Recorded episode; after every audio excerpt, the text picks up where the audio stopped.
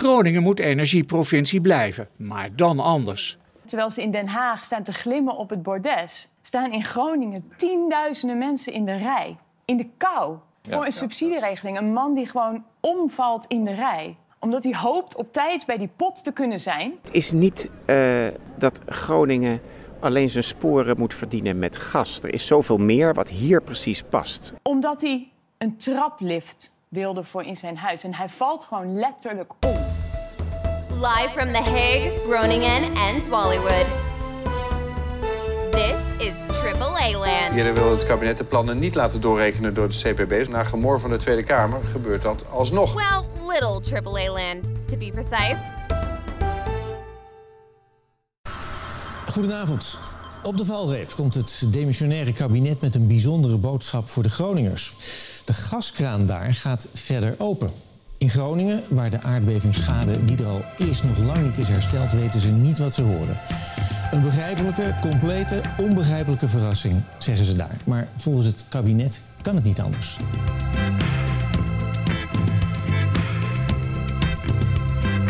And if you want to know what's going on in the Netherlands, zijn dit voor uitgaven? Er wordt met miljarden gestrooid alsof het niks is. Dit kan toch niet? Een van de snelst groeiende economieën van de wereld. listen to the AAA podcast. We zijn een van de paar landen in de wereld met een AAA-rating. AAA Lunching. On air now. Roy, Anja en JW. Met Mariska Sloot vandaag, gemeenteraadslid in Groningen. Oud-wethouder in Haren, een gemeente die niet meer bestaat. En ze weet alles over de boze Groningers, de verdrietige Groningers, de teleurgestelde Groningers en de verbaasde Groningers. En je weet het met Groningers. Het nieuwe kabinet Rutte 4 het gaan uitleggen in Groningen. Nou goed, hier in uh, Nederland was er... Het hoort niet eens met mijn Nederland. Van het aantal corona Wat een schande was dat. 35.000 meldingen van positieve coronatests. Met Mariska en Anja Otto ook in Groningen. En Roy van Veen in Zwollywood. Praten we over de aardbevingen. De komende verkiezingen, het resultaat van de vorige. Want hoe zorgwekkend is de nieuwe variant van het kabinet Rutte? Welke mutaties moeten we in de gaten houden? En wordt het land er meer of minder ziek van? En tot slot, als ik de baas zou zijn van het journaal, dan werd het nieuws, ik denk niet een heel stuk positiever, maar ik zou in ieder geval niet met een brandende fakkel aanbellen bij een beoogd vicepremier. Dat moet je ook altijd later doen. Dat is die mevrouw van Onrecht TV. Die stuurde Max van MB naar Sigrid Kaag. Wat dat voor gevolgen heeft, maar vooral wat dat voor oorzaken heeft. En dat het niet de oorzaken zijn die de NCTV je vertelt. Daarover gaat het derde deel van het uh, derde seizoen van AAA-landje, aflevering 1. Missionair. Dag Roy. Hey, goeiedag. Dag Anja. Ik ben er. Hoi. En Mariska. Hallo. Die hadden we al gehoord. Hoe is het in Groningen? Hier hangt nog steeds een beetje mist. We nemen op halverwege de middag, maar nog steeds een beetje grijs in Den Haag. Nou, hier is het ook grijs. Behalve politiek. De boel staat in de fik, hè? Tenminste, zo krijgen wij het in Nederland mee. Nou ja, er is hier uh, behoorlijk wat gedoe. Onrustig kan je het wel noemen. Maar het is niet de eerste keer, hè? Hoe uit die onrust zich in Groningen? Uh, nou ja, weet je, ik, ik merk het natuurlijk in die uh, in, in, in politieke setting. Ja. en in alle groepsapps die ik daar heb. En dat zijn er op dit moment binnen die campagne natuurlijk nogal veel. De kandidaten op de lijst, maar ook uh, binnen de fractie. Uh, je zei net in de intro dat ik in de gemeenteraad zit. Ik zit op dit moment niet in de gemeenteraad. Oh, sorry. Rectificatie. Nee, dat maakt niet uit. Ik, ik zat in de gemeenteraad en ik ga, als het goed is, weer in de gemeenteraad. Dus wat dat betreft. Nou, als mensen na de verkiezingen raar. luisteren, klopt het misschien toch. Ja, ja je Laten we het hopen. Ja. En, um, maar ik merk het, uh, ik merk het in, in, op de socials, ik merk het op straat als je met de hond gaat wandelen. En, um, maar wat ik ook merk is uh, buiten de boosheid, de murfheid van de mensen. Ja. En dat is al jaren aan de gang en dat vind ik eigenlijk zo vreselijk verdrietig. Ja, Anja die heeft een oppashond, dus we kunnen meteen even peer reviewen. Merk jij dat ook, Anja? Uh, die murheid, ja. Nee, en op straat dat zoals- hondenbezitters jou aanspreken. Eh, Op de stand van het land. Ja. Ik heb een heel klein hondje. die, die, die zorgt niet zo voor, eh, voor aardbevingen. Eh, nee, wat ik merk op de redactie is eh, eh, de murheid, de boosheid. eh, zoals Mariska altijd eh, in de Twitter-account, op de tweets, op de social media zet. eh, vroeger, het stopt niet, niet vanzelf. En ehm, hoe smerig is het dan eh, dat je op donderdagavond, terwijl maandag het nieuwe kabinet gepresenteerd wordt, er een briefje uitgooit? Wij noemen dat altijd taking out of the trash, hè? dat noem jij, Jan Ja. Willem. Eh, en, en dat je letterlijk Groningen weer voor het blok zet, om het zo maar te zeggen, met de mededeling. Mm, Duitsland, we hebben een contractje ergens, ergens onderin een la. En ja, verplichting. Oeh, oeh. Dus we moeten houden aan de verplichting. En we gooien die kraan weer open. Hoe verkoop je dit?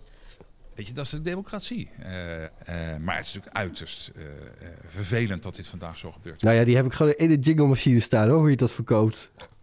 Want Rutte gaat eigenlijk op de, op de oude voet door. Dat, eh, Hij zegt er ook gewoon bij, op het moment dat er wordt gevraagd... ja, dat gaat dus ten koste van de veiligheid van Groningen. Ja, dat is waar. ja. Nou, dat is in ieder geval eerlijk. gewoon. Ja, Ja, zeker. Ja, ja dat is het nieuwe Ja, wat koop je daarvoor? niks.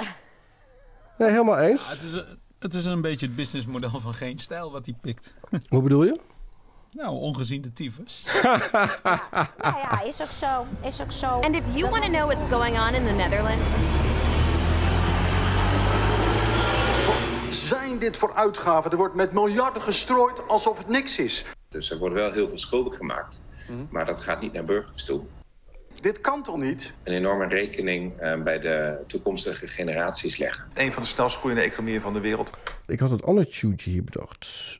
Oh. Ja, een heel, om een heel Nou, vette... zegt sloot ze wel aan hoor. driving and writing review me on even. Ja, dat is de bedoeling. We moeten een beetje het tempo in de show houden. And if you want to know what's going on. Politici die hier de boel op slot gooien, zelf vakantie gaan vieren waar je meer kan doen en vervolgens weer terugkomen en eigenlijk alles houden zoals het is. Ja. Is dit nou die tempoversnelling waar het over had? Ja, ik... ik Oké. Want eh, dan is het nu tijd voor het nieuws. Anja, What's going on in the Netherlands? het korte nieuws komt vandaag voor jou. Nou, ik zeg, we blowen ons de pandemie uit. Dat is toch wel het eh, meest korte en heugelijke nieuws van vandaag. Dat is ook een beetje wat jij in de Gambia gedaan hebt, toch? Nou, ik, ik, ik dacht toen ik dat las vandaag in de Telegraaf... dacht ik van, hé, hey, wacht eens even. Ik ben in de Gambia geweest... terwijl heel het kabinet op de lange latten in Oostenrijk Of stond. Gran Canaria. Ja. Of, nou ja, in ieder geval een nieuwe variant eh, weer terug heeft genomen. Eh, zat ik eh, onbeschermd in de Gambia met een vaccinatiegraad van, hou me vast, 9% geloof ik. Geen corona. Niets, niets, nada, nothing. Geen mondkapjes, geen social distancing, want daar zijn Gambianen niet van. Waar ze wel van zijn, is nou, witgebruik. Dat eh, kunnen ze goed. Eh, nou, die Gambianen blowen erop los. En ik denk dat daarom misschien wel, ondanks een vaccinatiegraad van 9%, er weinig corona is. Of zou het gewoon aan de gezonde levensstijl liggen? Van, van de blowers. Het was een, een eh, artikel, een wetenschappelijk artikel. Het eh, wordt verkeerd genoemd in eh, het artikel in de Telegraaf en ook verkeerd genoemd in de artikelen van Reuters en zo. The Journal of Natural Products. En dat is niet een eh kruidvatfolder, maar echt een totaal ondoorgrondelijke wetenschappelijk tijdschrift over welke verborgen stofjes in de natuur, in planten, ons allemaal verder kunnen helpen de wereld in. Want ja, we, we zijn een beetje van de pandemie af. eh, en het boosteren is eh, zelfs ook eh, van, de, eh, van de baan aan het schuiven, lijkt het wel. eh. WHO heeft gisteren gezegd, ja, we, kunnen, we kunnen niet de hele wereld elk half jaar een prikje geven. Of zoals Hugo het wil, elke drie maanden. Ja, nou Hugo, ja, wil je ook Hugo niet. is nu weg, maar ik vermoed eerlijk gezegd dat ons aller meneer Kuipers hetzelfde wil. Ja. Nou, op één vlak heeft Ernst Kuipers het beleid al heel erg eh, omgegooid. Want eh, hij was, eh, Hugo was weer eens vergeten om een, eh, een eh, ge- rapportage naar de Tweede Kamer te sturen. Een ongevraagde Ja. rapportage van de adviesraad. En toen zei Ernst Kuipers... eh, ja, maar ik wil gewoon geen ongevraagde rapportages meer ontvangen. Nou, dat is ook onzin. Waarvoor zou je aan adviesorganen... Eh, Waarom? Waarom zou je het vragen aan een adviesorgaan? Een advies. Hè? Ja, We horen Mariska niet Sloot, onzin. Campagneleider van de Stadspartij Groningen. Eh, even voor de mensen die niet eh, de Groningse politiek volgen, waaronder ik. Wat voor eh, soort partij moeten we ons daarbij voorstellen? Er zijn allerhande lokale partijen. Nou ja, dit is een, een lokale onafhankelijke partij. Die bestaat al behoorlijk lang. En na de herindeling van 2019 is die partij uitgebreid met de Algemeen Belang ten Boer en Gezond Verstand te Haren. En die wordt deze keer uitgebreid met zowel de sportpartij als De sportpartij? eh, 100% Groningen. Dus het betekent dat we een hele brede partij zijn met ehm, En die twee partijen die hebben ook al zetels, 100% en sport. 100% en de Stadspartij die hebben samen vier zetels. De Sportpartij is bij de vorige verkiezingen net niet op een zetel Oh. uitgekomen. Ehm, dus in theorie zou je zeggen dat je nu zo rond de vijf zetels zit. Maar ja, Van de altijd 40, denk ik? Of? 45 zelfs. Oké, dus dan zit je op... Ja. Is nog niet heel Maar ja, veel. goed, op- kijk, ja. Op dit moment is het zo dat je zelfs al met drie zetels eh coalitiepartij kan eh, worden. ja, maar dat is toch als je bij de andere, bij de gevestigde orde zit? Exact. En het is denk ik ook heel bijzonder dat in Groningen de eh, lokale partijen eigenlijk nooit eh, heel groot zijn geworden. Nee. Als je, eh, zeker als je ziet dat wij afhankelijk dan zijn met alle problemen die hier in, eh, in Groningen zijn. eh, dat je afhankelijk bent van de bestaande gevestigde partijen. Terwijl je dus ziet dat het elke keer, keer op keer, dat Groningen weer als een stiefkind wordt behandeld. Si- Sinds de, sinds de PvdA bestaat is eh, Groningen wel een beetje echt het eh, een PvdA-bolwerk geweest, volgens mij. Of, Eh, ja, nou ja, in ieder geval best links georiënteerd. dat En, sowieso. ja, eh, stude- studenten, hè? Studenten met alle links. Ja, nou ja, aan de andere kant, als je het provinciaal bekijkt, bij de vorige provinciale statenverkiezingen wonnen zowel GroenLinks als Forum ineens gigantisch, out of the blue. Ja. Eh, eh, dat is dan provinciaal gezien. Maar ja, eh, sowieso, ik bedoel, als je kijkt naar Loppersum, wat toch inderdaad het epicentrum is van de aardbevingen, dat daar nog steeds de VVD als grootste partij elke keer uit de bus komt. Ja, Ja, die, misschien ja, zouden die mensen denken van ja, dan maak ik de meeste kansen op een, op een schadevergoeding. Dat is ook niet helemaal waar, of op subsidies. Want ja, als je daarvoor in de rij gaat staan Ja. voor je computer... dan word je er ook gewoon na eh 13 uur uitgeknikkerd en dan heb je nog niks. Maar er had ook allemaal mensen fysiek in de rij gestaan vorige week, toch? Waar was Ja. dat voor? Nou, dat is, het is erg. Dat was echt, echt, echt heel verschrikkelijk. Dat is voor een subsidieregeling.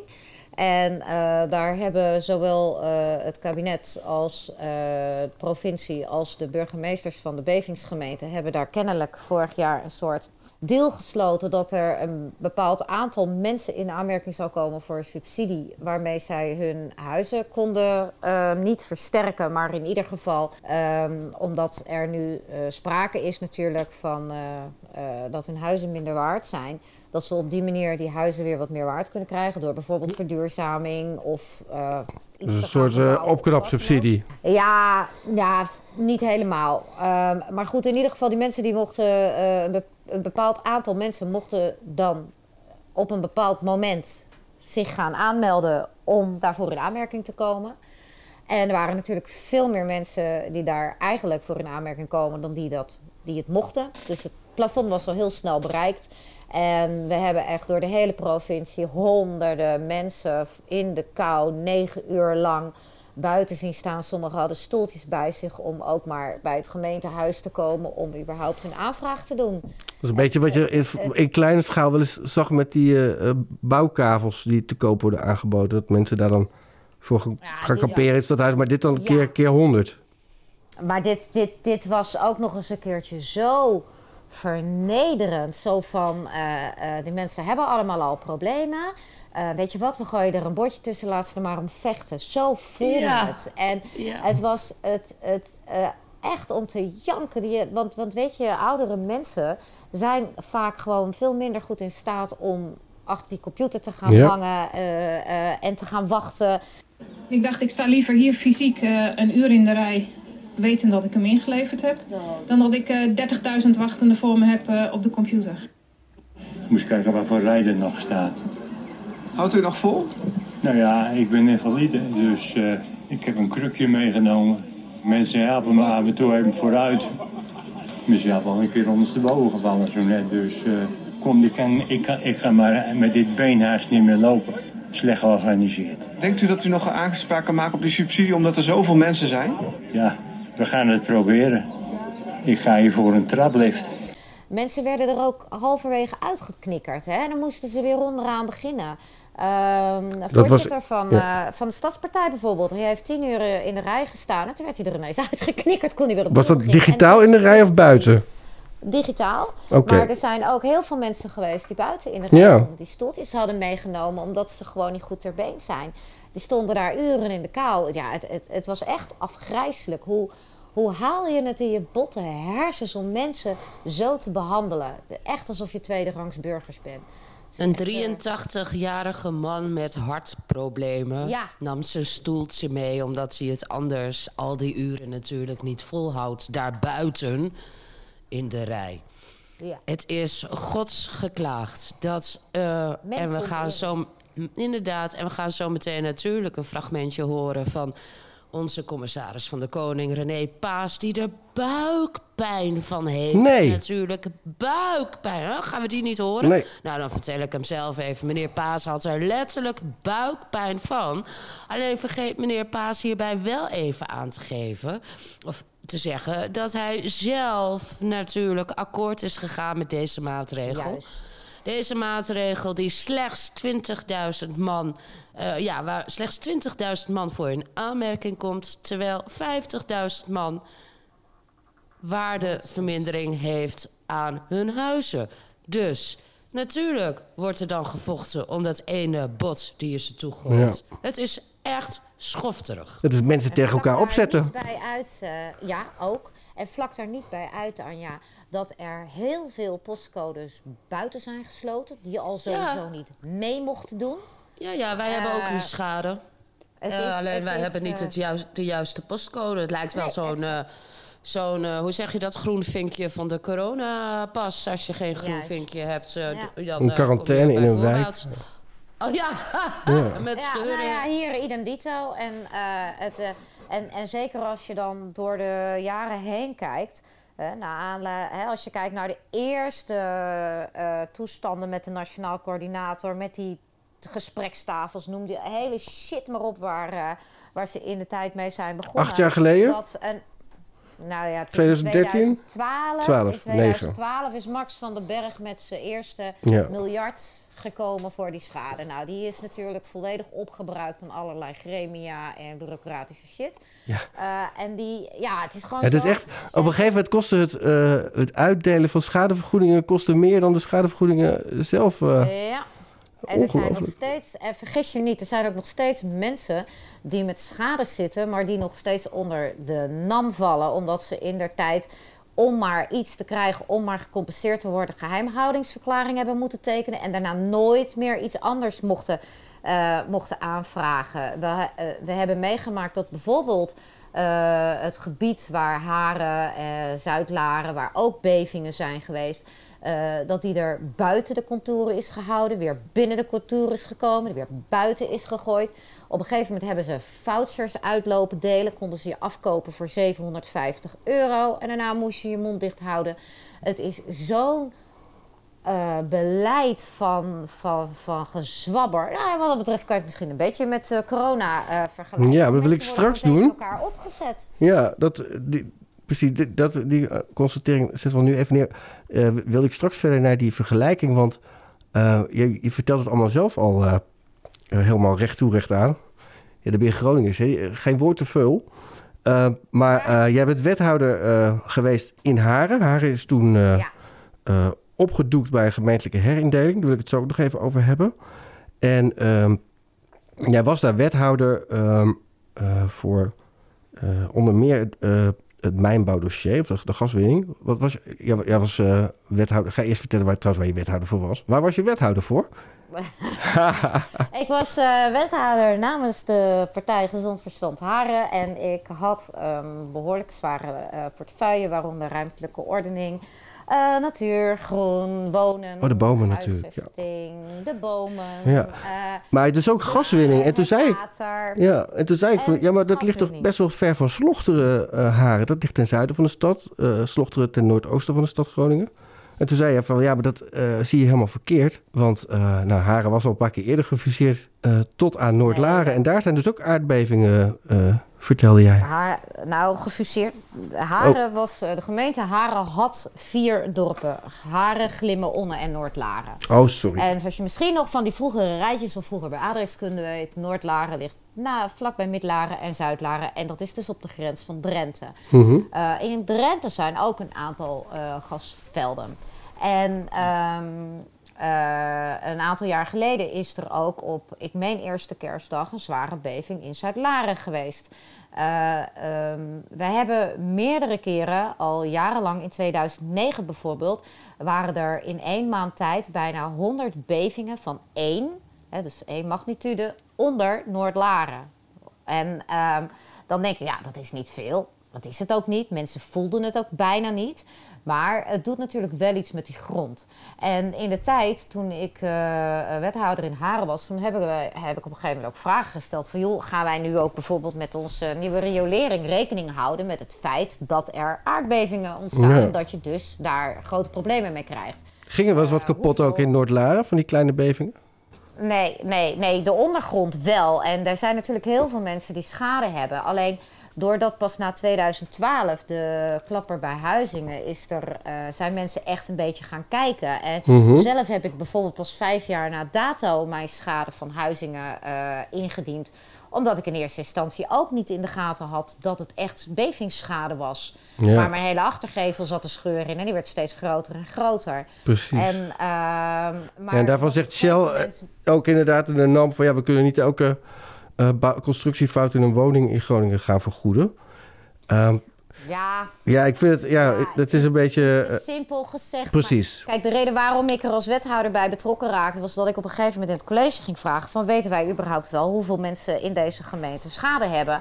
en kunnen wij die niet ergens bijstaan... omdat er continu andere regels worden eh, gemaakt... omdat de overheid je gewoon probeert te negeren hierin. Mhm. En toen zei de toenmalige burgemeester tegen mij... ja, maar dat is helemaal niet onze taak... en eh, dat, dat ligt gewoon bij de nationaal coördinator... of dat ligt bij de provincie of dat ligt bij het Rijk. En toen heb ik gezegd, nou ja, eh, ik wil wel weten eh, hoeveel mensen er zijn... en ik wil wel weten in hoeverre er schade wordt, wordt vergoed... dan wel wordt gemaakt. En toen heb ik dat dossier toen naar me toegetrokken. En dat was inderdaad een, dat ik dan wel bij de overleggen mocht zijn... ja, maar, dat je er uiteindelijk geen, geen moer voor je inwoners kon doen. Omdat als gemeente kan je alleen maar aangeven... eh, je bent onderdeel van een bevingsgemeente en ehm, eh, ja, je wil dat die inwoners geholpen worden. Maar het wordt elke keer via andere gremia en tussenlagen wordt, werd het gewoon getraineerd. en dat is dan met name de provincie en het eh, Rijk? Of? Nou ja, in eerste instantie natuurlijk de NAM. Mhm. En eh, later, omdat er elke keer... eh, Geschillen kwamen. En de rechters hebben daar op een gegeven moment ook wat van gezegd. werden er, eh, en er werden nieuwe dingen opgetuigd. En er Ja. werden nieuwe contouren vastgesteld. En de ene keer De doelpalen werden geschoven. Ja, waar kennen we dat van? Ja. Ja, dus het, dat was een lastige. En dat, maar ik weet dat in die tijd, en dan heb ik het over 2014, 2015 of zo, zaten wij hier in de voormalige gemeente Harel op zo'n 1500 bekende schades. Mhm, Eh, dat- dus ja. dat is nog los van de mensen die later eh, een keertje gingen behangen en eh, Ja. dan zagen van wat heb ik nu in, in die muur, want dat zie je niet. Als er En 1500 op hoeveel, huizen, op hoeveel huizen is dat? Ja, geen idee. We hadden iets van, wat zal het zijn geweest? Ik geloof totaal iets van 6000 of zo. Ja, zo. Nou, dat is, een- dat is, een kwart. Ja. Ja. En was het dan ook, wat je vertelde, van dan mag ik bij het bestuur aanschuiven. Maar is het, de, zijn de gemeentes dan eh, allemaal samen eh, namens de burgers boos op eh, de andere bestuurlijke gremia van dit land? Of hoe moet ik dat zien?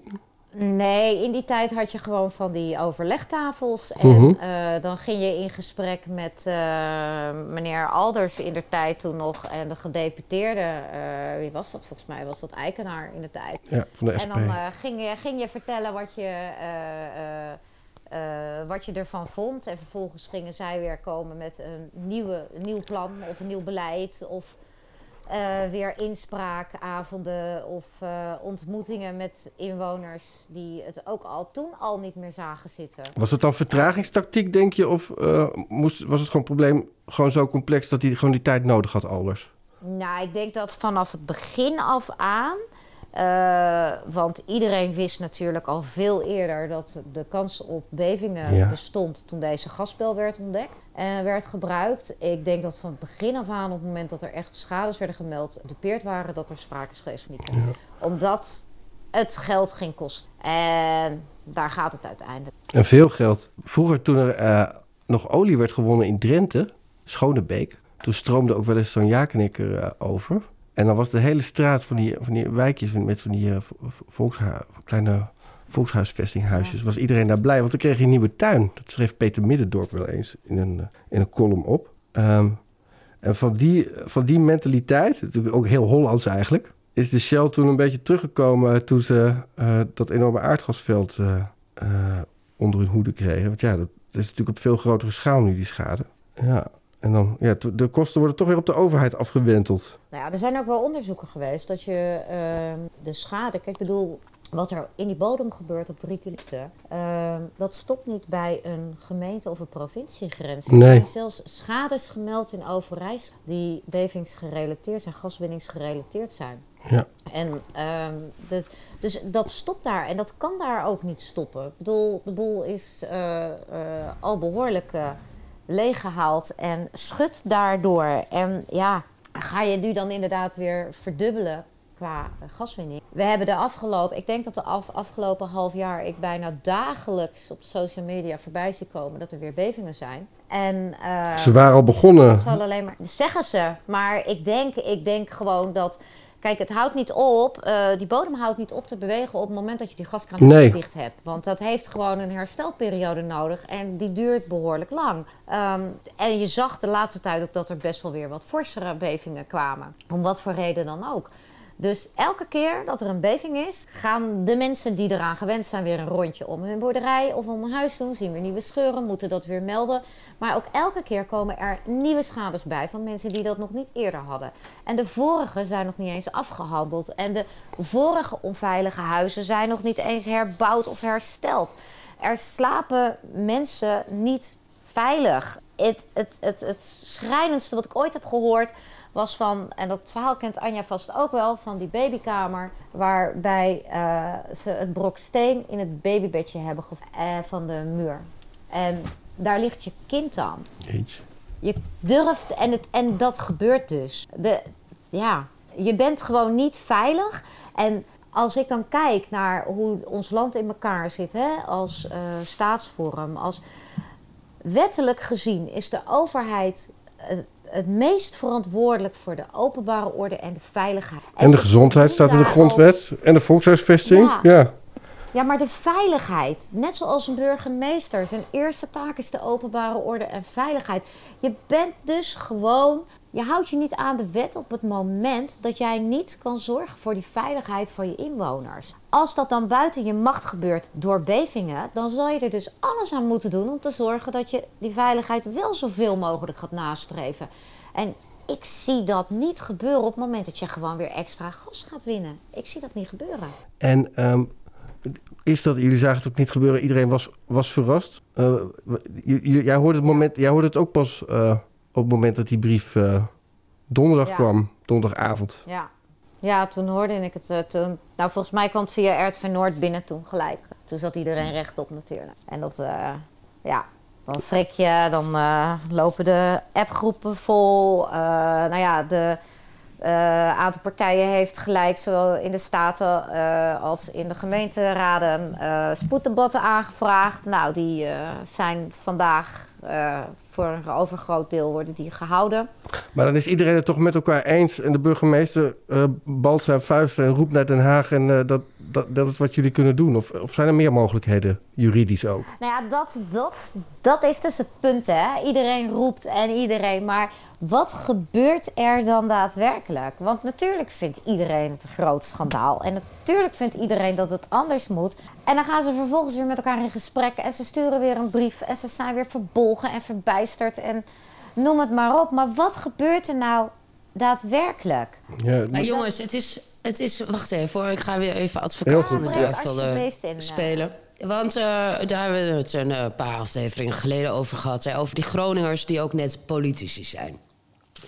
Uh, wat ik schrijnend vind, is er zijn mensen die echt in een onveilig huis wonen. Die buiten elke schaderegelingen vallen. Hè? Want het moet allemaal uniform, het moeten allemaal regelingetjes. Iedereen moet in zo'n regelingetje passen. Maar er zijn mensen en woningen die daar niet, die buiten al die shit vallen. Die komen dus nergens voor in aanmerking. Ja, die procedures lopen nog allemaal en wonen fucking in een onveilig huis. Dan heb je ook mensen die ik ken, werkelijk waar, ik noem geen namen, maar dat hoor ik dan op de redactie. Um, die hebben, is nu de derde regeling al, waarin zij toevallig dan wel voor in aanmerking komen. Die zeggen, mm, Mm, we zijn er weer doorheen, door deze loterij. Halleluja. We hebben weer 10.000 euro. Maar we hebben al hoog rendements 3W dubbel glas. We hebben al zonnepanelen op ons dak. En we hebben de badkamer al nieuw. Wat zullen we eens gaan doen met de komende 10.000 euro? Die zijn er ook, hè. Weet je. Ja, ik, ik weet ook niet hoe het anders moet. Maar dit is toch wel erg, erg verdrietig. Nou, het is zelfs... Het is zelfs um, grof schandalig. Uh, dat ben ik helemaal met je eens. Ik ken die mensen ook.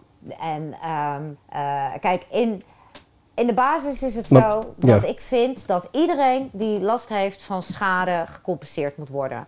Maar ik begrijp werkelijk niet waarom er geen volgordelijkheid is aangebracht in, uh, geen prioritering is aangebracht in de ernst. Is het misschien, ja, mag ik we kennen allemaal die, die huizen die op instorten staan, waar mensen met kinderen wonen en die worden niet geholpen. Een aantal daarvan zijn inderdaad nog onderdeel van het NAM-verhaal, worden niet geholpen. En dat geldt ook bijvoorbeeld voor uh, uh, mensen die echt voor 2, 3 ton gedupeerd zijn.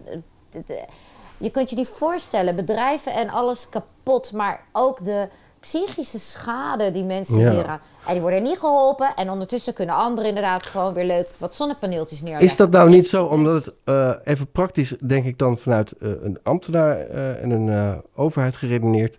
Die kleinere schades, die zijn wat makkelijker vast te stellen en makkelijker te verwerken. En dat stempel je dan misschien ook maar weg. Want misschien ook, als je heel cynisch bent, zeg ik dat ook goed voor het draagvlak. En Loppersen, in Loppersen stemmen ze toch allemaal nog op de VVD. Ja. Dus uh, nou ja, dat, misschien heeft dat met die vergoedingen te maken, ik weet het niet. Maar uh, uh, en die grote zware gevallen, daar moet natuurlijk een expert bij. En dat zijn misschien ook huizen die al wat schade hadden en waar die discussie over is. Um, dat, ja, maar dat loopt al meer dan Precies, dat moet je, dat moet je gewoon nu dan oplossen. Het, het, een beetje ook de toeslagenaffaire oplossing lijkt het ook wel op. Hè? Iedereen 30.000 piek en... klaar. Klaar. Hou je denk, maar dicht. Ja. Ja. En ik weet ook niet, uh, kijk, bedoel, het is natuurlijk heel makkelijk, makkelijk roepen van je moet het zus of je moet het zo doen. Dat is eigenlijk net als wat Anja aangeeft van je, wat is nou een oplossing? Alleen, laten we nou even eerlijk zijn. Uh, er is vanuit uh, het Rijk al jaren zijn ze hiermee bezig. Dus waarom is, hebben zij dan nog niet een oplossing bedacht? Waarom zouden hier uh, de inwoners die, die hun huis in de stutten hebben de oplossingen moeten bedenken. Dat hoeven zij niet te doen. Ze moeten zorgen dat ze overleven en het is al lastig genoeg. En als ze dan ook nog eens een keertje, want, dan krijg je de rest van de problematiek erbij. Hè? Als ze dan eens een keertje, uh, dan worden de oplossingen gevonden in, ehm, in bijvoorbeeld van die grote windmolens om hun huis heen. Ik noem maar eens wat. Ik bedoel, het, op de een of andere manier is Groningen een soort afvoerputje geworden. En, eh, Ja, dat noemen we tegenwoordig een proeftuin eh, eh, hernieuwbare energie, toch? Nee, ik, Nee, we noemen het de provincie van de energietransitie. Oh ja, dat was het, de energieprovincie. Ja. Omdat wij namelijk zo ontzettend veel schade hebben ondervonden van de gaswinning, krijgen we er windmolens voor terug. Ja. ja, en niet zomaar, maar hele grote. Vanaf maandag mag het eh, nieuwe kabinet Rutte 4 het gaan uitleggen in Groningen. Nou goed, hier in eh, Nederland was... Het is echt eh, letterlijk was een... echt ziek? Ja. Iemand eh, twitterde met dit filmpje eh, eh, deze zeven seconden eh, in het journaal, eh, die waarschijnlijk onbedoeld waren, vatten het hele probleem van Groningen van de afgelopen twintig jaar samen. Ja. Hij heeft een punt. Ja? Hier in Nederland. Ja, mag ik, eh, mag ik eh, een leuke brief voorlezen? Ja. Eh, hoe eh, de rest van Nederland misschien denkt over, eh, over Groningen. Ik moet hem eventjes voor, tevoorschijn toveren. Ook nu weer schrik ik van de boze toon van veel Groningers... nu er meer gas nodig blijkt dan voorzien. Realiseren zij zich dan niet dat zij niet de enige zijn... die offers brengen voor het algemeen belang? Denk aan werknemers in de Randstad die altijd in de file staan. Aan burgers die dicht bij zware industrie wonen of bij het lawaai van Schiphol. Nog meer schrok ik van de suggestie om Duitsland te vragen het contractueel afgesproken gas niet op te vragen. Dat is onverstandig in een tijd waarin eenheid binnen Europa van belang is. Ja, dat is even wat uitleg voor nodig. Behalve natuurlijk dat het schandalig aan het begin was. Ehm, dat die gasleveringen aan Duitsland. In Duitsland hangen, heel kort gezegd, gewoon heel veel. eh 5 miljoen huishoudens, geloof ik, aan het Nederlandse aardgasnet. Want wij hebben laag calorisch gas. En het eh, aardgas waarop in andere landen wordt gekookt is hoog calorisch. Kookt je water ook veel sneller trouwens. Ehm, maar we kunnen die mensen toch ook niet in de kou laten zitten. Alleen, ehm, Duitsland is veel meer gas gaan gebruiken dan gepland. En zelf minder gaan produceren. En dat heeft ook weer met de, de energiewende in Duitsland te maken. Dus de eh, verduurzaming van de energievoorziening... die moet worden opgevangen met gas. Dus dit, dit risico is niet eenmalig, denk ik, eh, Mariska. Dat dit eh, kan misschien volgend jaar ook weer gebeuren.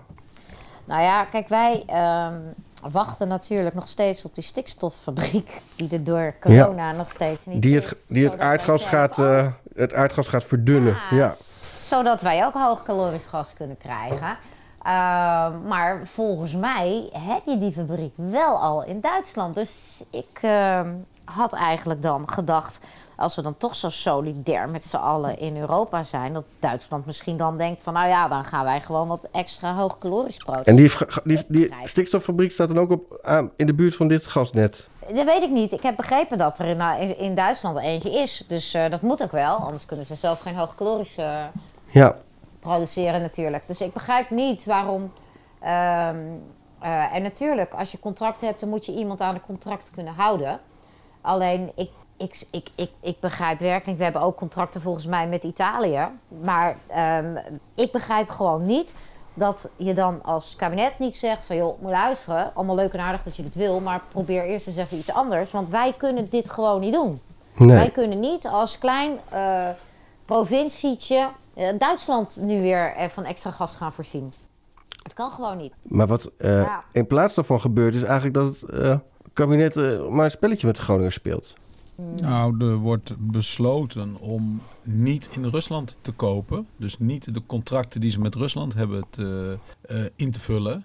eh, maar gewoon het uit Nederland halen. Kijk, Duitsland die heeft eh, alle gasnippels en eh, de gasmeters en de hele toestand al aangepast om hoogkalorisch gas aan te kunnen eh, Ja. sluiten. Eh, dat zijn operaties geweest die daar 4, 5 miljoen hebben gekost. eh, voor hele regio's. Hè. Dus grote energiepartijen betalen dan 4, 5 miljoen om een hele regio over te zetten van laag naar hoog calorisch gas. Ehm, ik bedoel, in Nederland smeren ze hier een warmtepomp aan, maar in Duitsland zitten ze er iets pragmatischer in. En die hebben gewoon allerlei contracten met die Russen afgesloten. Om Is dat die 4 twee miljard of gasleidingen 4 miljoen? Vanuit de, Nee, 4 miljoen voor een regio om een, een, uh, de, de branders en de nippels uit uh, gasfornuizen en boilers mee, te ja. vervangen. Oh, prima. En dan heb je gewoon een bestaande Een koopje. Kan, kan dan gewoon een nieuw, nieuw soort gas uh, draaien. Ja. Ja. dat is absoluut een koopje. Super pragmatisch. En toen we daar, ik denk drie, vier, vijf jaar geleden een keer een interview over deden, toen was die, die Duitse energie producent ook super enthousiast daarover. Die vond dat ook wel een voorbeeld voor Nederland. Ja. Um, maar ja, goed, daarna ontstonden wat trubbelingen met, uh, met, ja, met Rusland. Ja. En besluit Den Haag gewoon dan maar dat te verhalen uh, op de Groningers. En dat is natuurlijk wel Doen we toch altijd al. kort ja. door de bocht. Maar uh, je bent niet de enige die er zo over denkt. Ik wil even naar een fragment uit het journaal van burgemeester Schuiling. Wat vindt u ervan? Ik vind het een heel slecht besluit. We zullen er ook alles aan doen om het uh, te voorkomen. Want het is een strijd met de afspraken en het gaat over de veiligheid van Groningers. Behalve de burgers zijn dus ook de bestuurders bijzonder boos over het besluit en het moment van bekendmaking. Uh, dit dossier speelt al een aantal weken, blijkt nu uit de brief. Daar is met geen woord over gewisseld met ons. En nu, op het allerlaatste moment en op het op, ja, eigenlijk op het scheiden van de markt komt deze brief. Dat is ook bestuurlijk niet echt heel netjes. Nou, Marissa, als ik dit hoor, dan hoort Groningen nog helemaal bij Nederland. Want zo wordt uh, de rest uh, van de provincies ook bestuurd. Ja, ja, nou ja, kijk, weet je, um, het, zou, het zou ook niet heel goed zijn als uh, Schuiling hier een andere mening over had. En hij heeft natuurlijk ook een punt te wijzen waarop dit bekend is gemaakt, op wat voor manier. Dat daar gewoon inderdaad al. Dat is gewoon een schande eerder iets was. Dat is natuurlijk bizar. Um, en um, ik geloof ook oprecht dat de bestuurders hier in de provincie ook echt pissig zijn. En ja. dat moeten ze ook zijn. Alleen, kijk dan even terug naar al die jaren dat ze allerlei afspraken maken. En elke keer weer kom je, loop je achter de feiten aan. En elke keer weer um, word je weer geschoffeerd op de een of andere manier. Ik bedoel, hoe lang ga je je kopje nog buigen? Hè? Hoe lang ga je het nog pikken? Aan de andere kant, het is ook wat Anja zegt. Wat is dan de oplossing?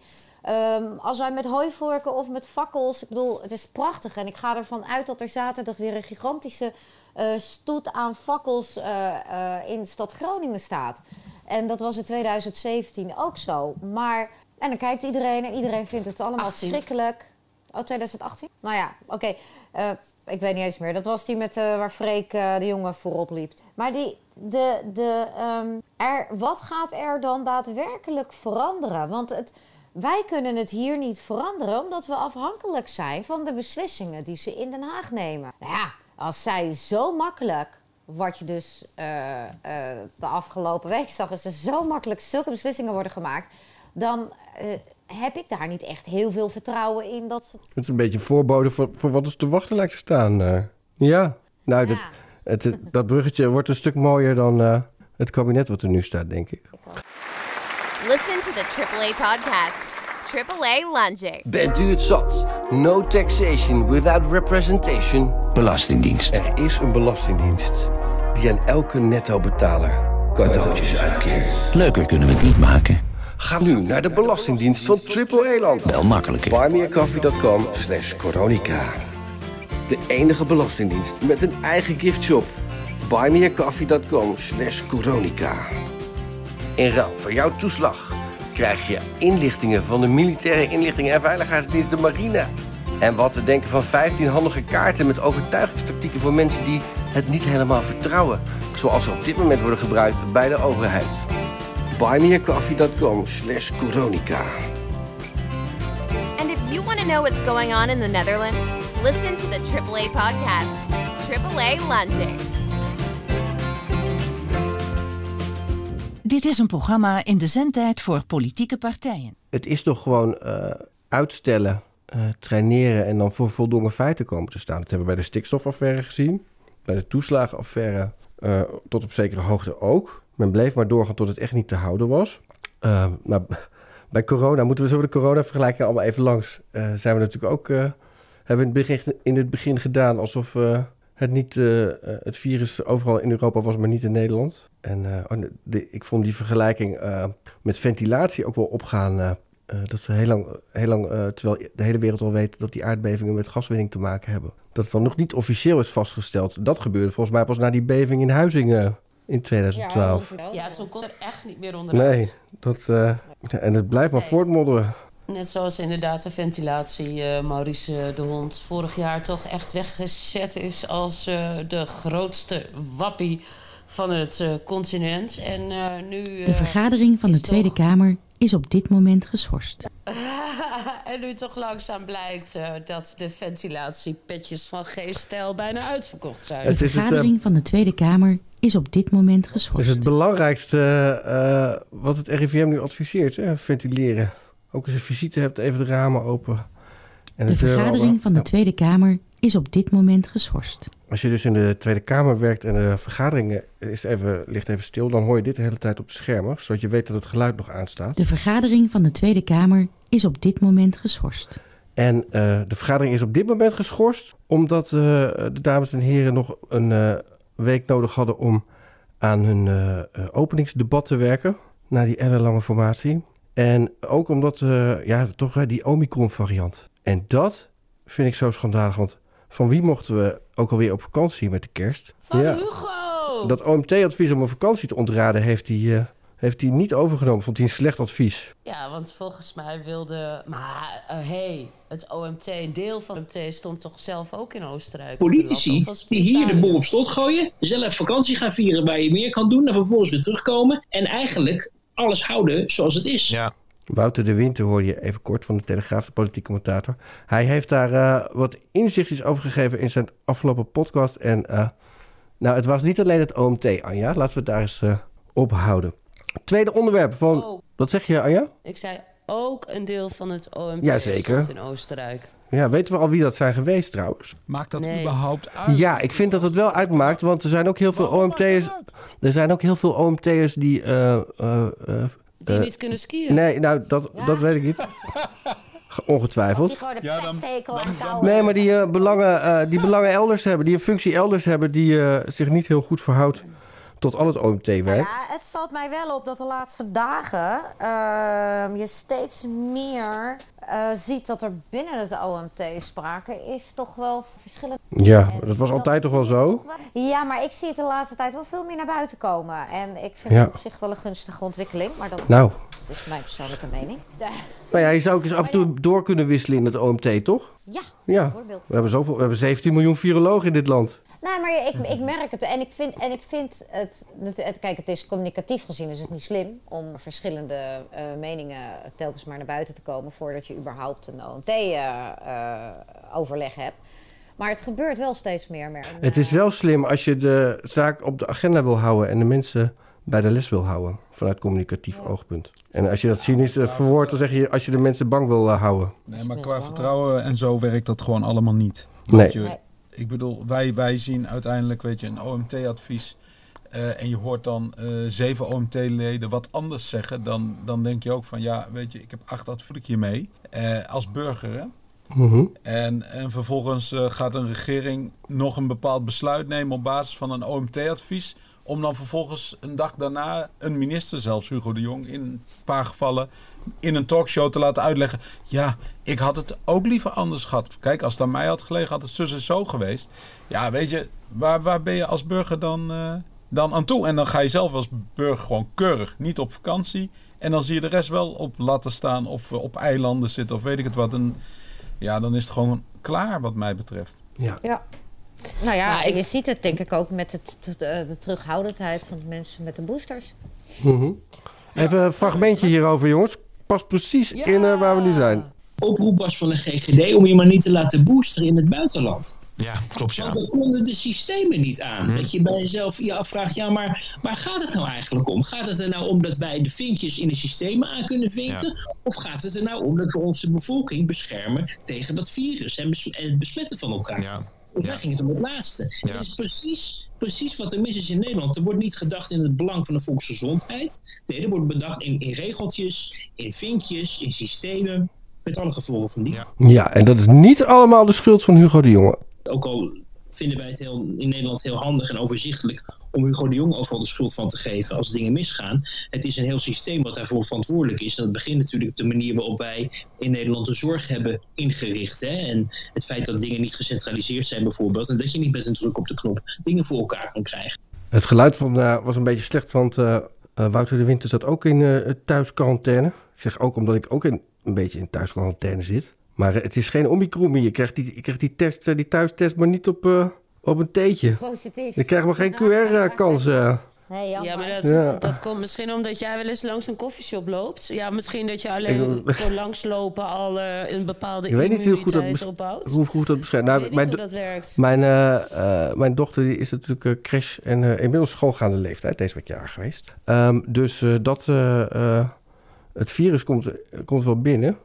Het kan ook gewoon een andere een keel. Er waren heel veel mensen met een soort eh, eh, keelontsteking. Weet je, nare keelontsteking kon je moeilijk slikken. En dan met een paar dagen zwakt het dan weer af. Maar of dat nou Mensen de, de zo, eh, is... niet zo bezig zijn met hun gezondheid. Moeten gewoon weer gaan leven. Maar wat ik... Ja, dat kan dus niet. heb, En daarbij... dat- Ja, Ho, ho.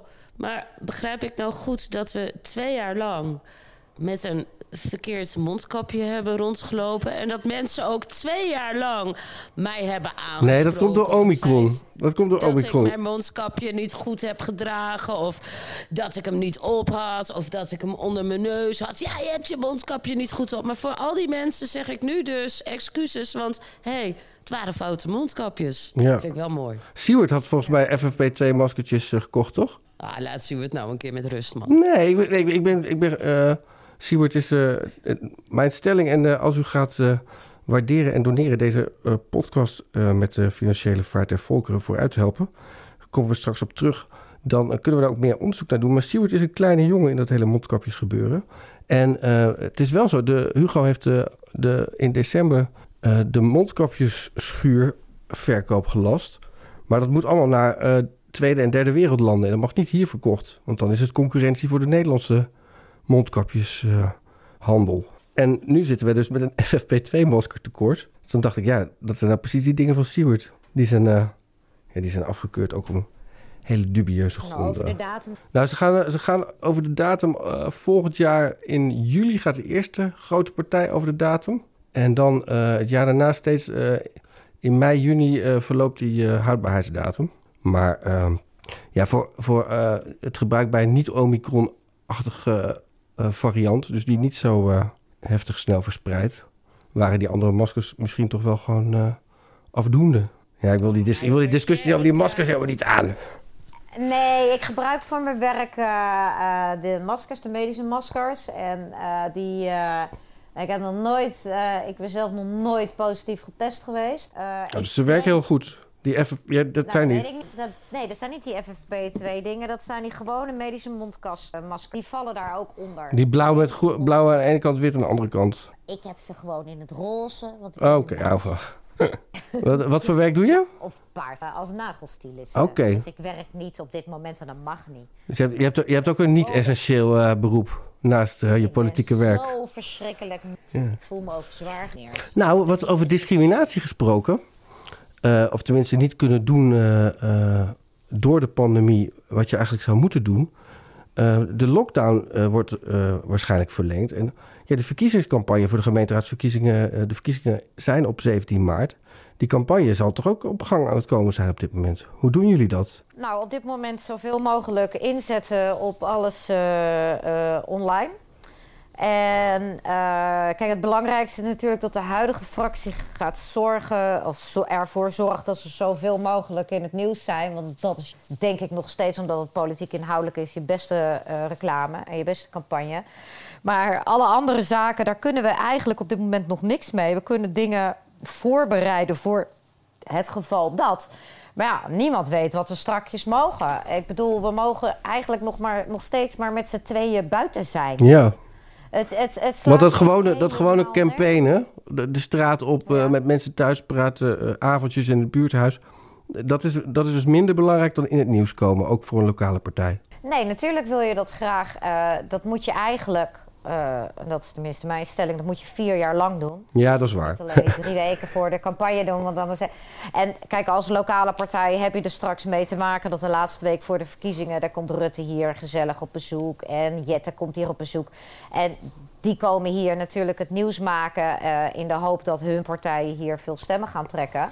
Maar ehm, om gewoon echt dingen te organiseren, al was het maar met de andere partijen in Een debat, gaan, ja. Dat wordt al heel erg eh, lastig. Uh, politieke cafés organiseren, ja, de kroeg mag niet eens open.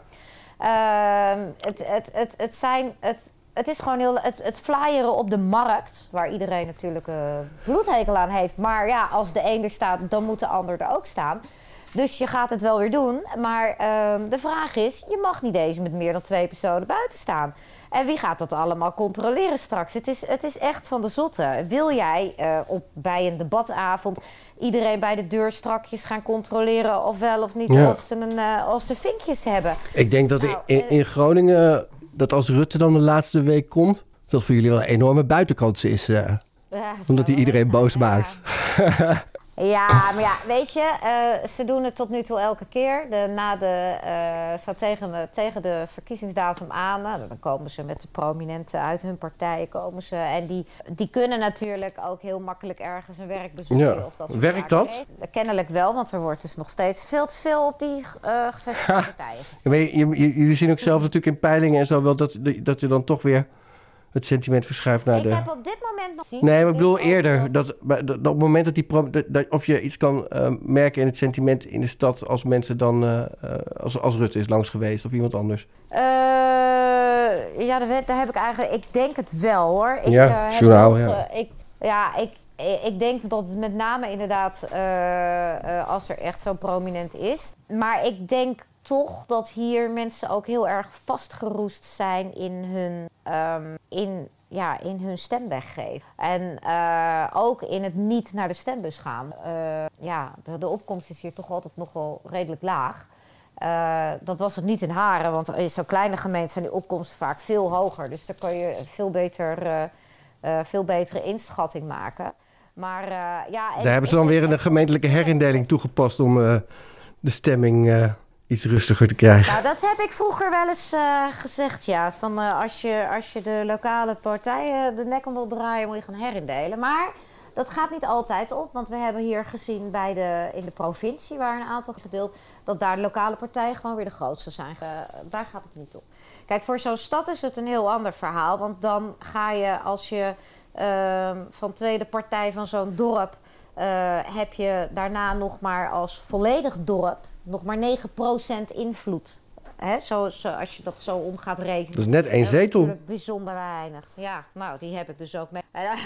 Maar dat is wel, eh, te dat- weinig op de 45. Ja, maar dat, dat helpt dus eigenlijk eh, de hele democratie in Haren om zeep. Alle, eh, ik vind dat sowieso op het moment dat je gedwongen gaat herindelen, terwijl de bevolking er niet achter staat en dat dat ook meetbaar is geweest.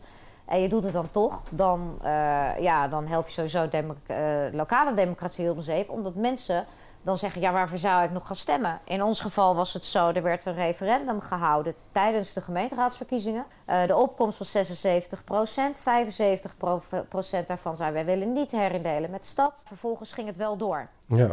Dankzij de provincie en dank, dankzij... Je weet hoe, je weet hoe eh, Den Haag over referenda denkt. Ja. Dat, ja. En, en dan ga je vervolgens eh, zeggen mensen, ja, waarvoor zou ik nog gaan stemmen? Want dat helpt helemaal niks. En dat zie je ook bij, eh, eh, de, ja, je, je ziet het bij, bij veel meer dossiers. Maar bij deze herindeling in Haren hebben wij dat wel op dat moment heel erg gezien. Wat Aan de andere ja. kant, ja, zelf best, best wel, toen best wel wat stemmen gekregen bij die herindelingsverkiezingen. Maar ja, de opkomst was dusdanig laag.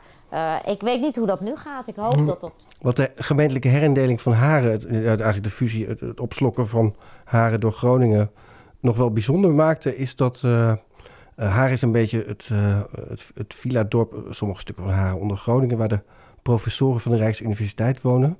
En een daarvan is VVD-prominent Frank Ankersmit, geschiedsfilosoof, een beetje een ideoloog van de partij ook wel. En die heeft boos zijn lidmaatschap Frank is een opgezegd. lieve- Er zijn veel mensen die bij de VVD hun lidmaatschap op hebben gehad. Later is Frank ergens anders. eh, hij woont in Glimmen, hè? Mhm. En eh, hij is later ook ergens anders nog actief geweest. Volgens mij eh, bemoeit hij zich af en toe nog met het burgercomité en haatschap bij de Maar dus VVD. hebben voor de democratie een groot, eh, eh, eh, groot iemand verloren gegaan. Want jij zegt, jij zegt van, het was het, eh, het een goede man. Eh, Hoe eh, merkte jij zijn invloed in de raad? Hij was raadslid, of... eh? Nee hoor, nee, nee, nee, nee, nee, nee, nee. nee. Hij, be, hij, hij hielp met meedenken in de tijd met het burgercomité. eh, eh, eh, heeft eh, brieven ingezonden. Ehm, we hebben nog wel eens met hem samengezeten om te kijken hoe we op een andere manier de lobby konden eh, starten. eh, op het moment dat wij moesten gaan lobbyen voor of tegen die herindeling. En, eh, maar hij was op dat moment geen. Oké, maar dus- hij was toen ook niet betrokken bij. Of, of Hij was betrokken bij het burgercomité tegen de herindeling, ja. Ja. Dus, komt de, de, een van de partijideologen van de VVD, van de belangrijkste liberale denkers van Nederland, die komt de, de oppositie tegen het kabinet Rutte helpen. Zover zijn we gekomen in Nederland. Het is toch wat. Ja. Wel een perfect bruggetje naar het tweede onderwerp. Ons nieuwe kabinet. Had ik een muziekje bij. And if you want to know what's going on in the Netherlands, listen to the AAA podcast, AAA Lunching. Hello. Want eh, ja, And if Veel mensen zijn natuurlijk eh, in het buitenland eh, op vakantie geweest. Dan kom je wel eens een ezel tegen, zoals deze vlogster die in eh, Gambia op vakantie was, net als Anja. Ehm, maar in Gambia hebben ze verkiezingen gehad en hebben ze de zittende leider herkozen, ondanks beschuldigingen dat hij zijn eigen agenda is gaan uitvoeren. En eh, daar was het feest op straat. Dus eh, dat is ongeveer het tegenovergestelde van hoe het hier in Nederland gaat. Hè? Tweede onderwerp. Wat weten we over de nieuwe variant van de Rutte-doctrine? Het vierde kabinet, is dat een afgezwakte? Bij de FVD zeggen ze dat het Davomicron levensgevaarlijk is. En wij voor een Great Reset staan. Nou, eh, we hebben Ernst Kuipers al gehad. Met eh, geen ongevraagde adviezen meer. Eh, dat is ergens vernieuwend dat hij dat meteen zo zegt. Maar ook wel heel erg oude politiek weten we inmiddels. Dankzij Mariska. Toch, Roy? Nou ja, ik eh, eerst maar eens even zien hoor. Al die loze beloftes en al die eh, inhoudsloze statements tot nu toe. Ik, eh, pleh. Ja. ik, dat hele nieuwe kabinet gaan we maar gewoon negeren. Ja, we kunnen beter aan het volgende regeerakkoord gaan werken. Hadden wij Ja, al lijkt me- besloten. lijkt me goed. Nou, weet je, ik had vorige week twee Duitsers op bezoek. En daar moest ik aan, uit, aan uitleggen dat we dus een regering hebben die is afgetreden vanwege discriminatie, machtsmisbruik en liegen. En dat de helft gewoon weer terug is. Weet je, dat, dat in Duitsland was dat gewoon niet gebeurd. Is dat zo? En ja, dat, dat zeiden zij. Ik bedoel, maar het, het, dat het tot vragen leidde, vond ik al wel ja, bijzonder. En je, je kan het ook niet goed verdedigen. Als Het is niet uit te leggen, maar dat zie je nu ook in de, in de media. Ja. Ja.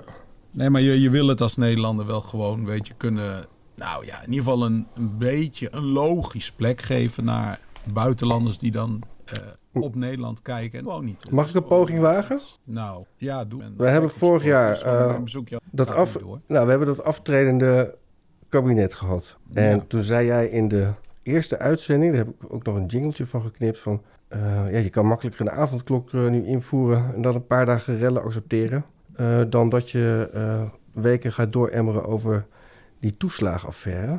En ja, dat is ook een beetje gebeurd. Die avondklok die duurde tot ruim na de verkiezingen. En eh, of die avondklok terecht was, we weten inmiddels van niet. Dat dachten wij toen ook al, maar toen eh, werden wij eh, daarop aangesproken. Want dat kan je niet zeggen. En je kon ook niet zeggen dat ze die rellen hadden kunnen zien aankomen. Dat kunnen we inmiddels wel zeggen, want er is in een WOP-verzoek over correspondentie tussen de marechaussee en het ministerie van Veiligheid en Justitie vast komen te staan dat vanuit Eindhoven op, werd al op 10 januari, toen was die avondklok nog niet eens ingevoerd. Toen was er nog niet eens het besluit genomen. Toen werd al gezegd eh, dat wordt rellen als dat gaat gebeuren. En dan kunnen we alvast wat extra marechaussee eh, ME daarvoor krijgen. Dus dat vond ik vrij pijnlijk. Maar eh, nou, daar had je die rellen, mensen boos, mensen boos en bang. En wat doe je als je boos en bang bent? Dan vooral het laatste telt denk ik in het vergrijsde Nederland. Dan ga je stemmen op, op de partijen die er zitten in de hoop dat ze dit tot een goed einde brengen. En dan met dat briefstemmen konden die oudjes lekker vanuit huis konden ze dat Nou ja, besluit op tijd maken. Konden ze niet aan het twijfelen worden gebracht nog op het laatst. Nee, maar het hele onderwerp is natuurlijk uit de media gehouden door handjeklap van allerlei mediabazen en zittende machtsstructuur, denk ik. Want er is, ik bedoel, Bij de to- bij als wij RTL heeft de noemden- toeslagenaffaire in het debat gehad. Eh, daarna is het niet meer gebeurd. Ja, niemand, niemand, niemand wilde het. Ja, Nee. één item. Ja, meer niet Nee, inderdaad. Precies. Nee, maar weet je, dan, dan krijg je meteen natuurlijk een, een, een klikje rond Rutte die gewoon zegt van joh, eh, als we dit gaan doen, dan komen we gewoon Juist. niet meer. En eh, dat is de, de ja, dat is natuurlijk de dood voor het, voor het debat. En, en dat is eigenlijk waar we ook in het voorgesprek het over hadden. Ehm, ja, dat mag gewoon niet meer. Een afwijkend standpunt innemen of een, een, een afwijkende vraag, dat, dat mag gewoon niet meer. Ik bedoel, laten we het, laten het vriendelijk houden. Hè. We kunnen altijd Rutte afzeiken of zo, maar laten we het even vriendelijk houden. Mona Keizer, die kiest ervoor om niet haar zetel mee te nemen. Weet je, ik heb, ik heb wel eens eh, wat, wat toeslagenouders en zo geholpen. En die zaten dan met een sollicitatieplicht. En als ze dan een passende baan weigerden, dan, dan, dan ging dat ten koste van hun uitkering. Geldt dat voor zo'n Mona Keizer en haar wachtgeld ook? Nee. Weet je? Dat, terwijl dit een waarom- uitstekend waarom passende baan is. Ja, Ja, toch? Waarom, waarom heeft niemand het daarover? Waarom wordt ze gewoon uitgenodigd eh, met tegen 2000 euro eh, fee voor zo'n talkshow en gaat het gewoon over waar zij over wil praten? welke talkshow eh, bedoel je? Nou, op één eh, zag Ik denk dat ze daar gewoon gratis zat hoor. Of met de taxi op en neer. Mona is niet, van, het, eh, Mona is niet van het snabbelcircuit. Ja, maar Kom op, nee, nee, dat echt niet. Man is medisch specialist, joh. Ja, maar En ze heeft weigert wachtgeld. gewoon, ze, ze weigert gewoon, een, ze weigert gewoon een, een, passende baan. Dus dat moet ook Nou ja, zij, anders. Klaar. als zij die baan zou pakken, dan zou ze haar eigen partij eh, in crisis storten. Voor zover die dat nog niet is. Want ja, dan kan ze zich natuurlijk in de fractie niet meer eh, aan het Ja, regeerakkoord kan, een conformeren. over, dat kan, kan een persoonlijke overweging zijn, vind ik prima. Maar dan Nou, ik denk dat Mona afwacht kort je nu. toch op een inkomen? Eh, ja, dat is, een, eh, dat is een dingetje. Dat is, zou toch fair zijn? Ik bedoel, Ja, jij ze moet iets anders gaan doen. Nee, maar jij mag allemaal persoonlijke redenen hebben waarom jij een passende baan wil weigeren. Vind ik allemaal prima. Maar dat, als dat voor een bijstandouder of een toeslagengezin een consequentie heeft, dan heeft dat toch ook gewoon voor zo'n prominent een consequentie. Ja. En, en dat is blijkbaar niet zo. Daar wordt ook niet over doorgevraagd. Ik lees het nergens, ik zie het nergens, dat soort constateringen. En denk ik, ja, dat is toch wel gewoon kut. Ja, en dat is- ook een- precies een rond die regering Rutte wat daar gebeurt. Het is allemaal gewoon Het lekker hangt er negeren. natuurlijk wel vanaf wat ze gaat doen. Als zij iets Ik- anders gaat doen, dan zal ze moeten inleveren op de wachtgeld natuurlijk. Ja, dat precies. Ik denk dat zij nu eh, wacht. Als ik haar was, zou ik dat namelijk eh, zelf hebben gedaan.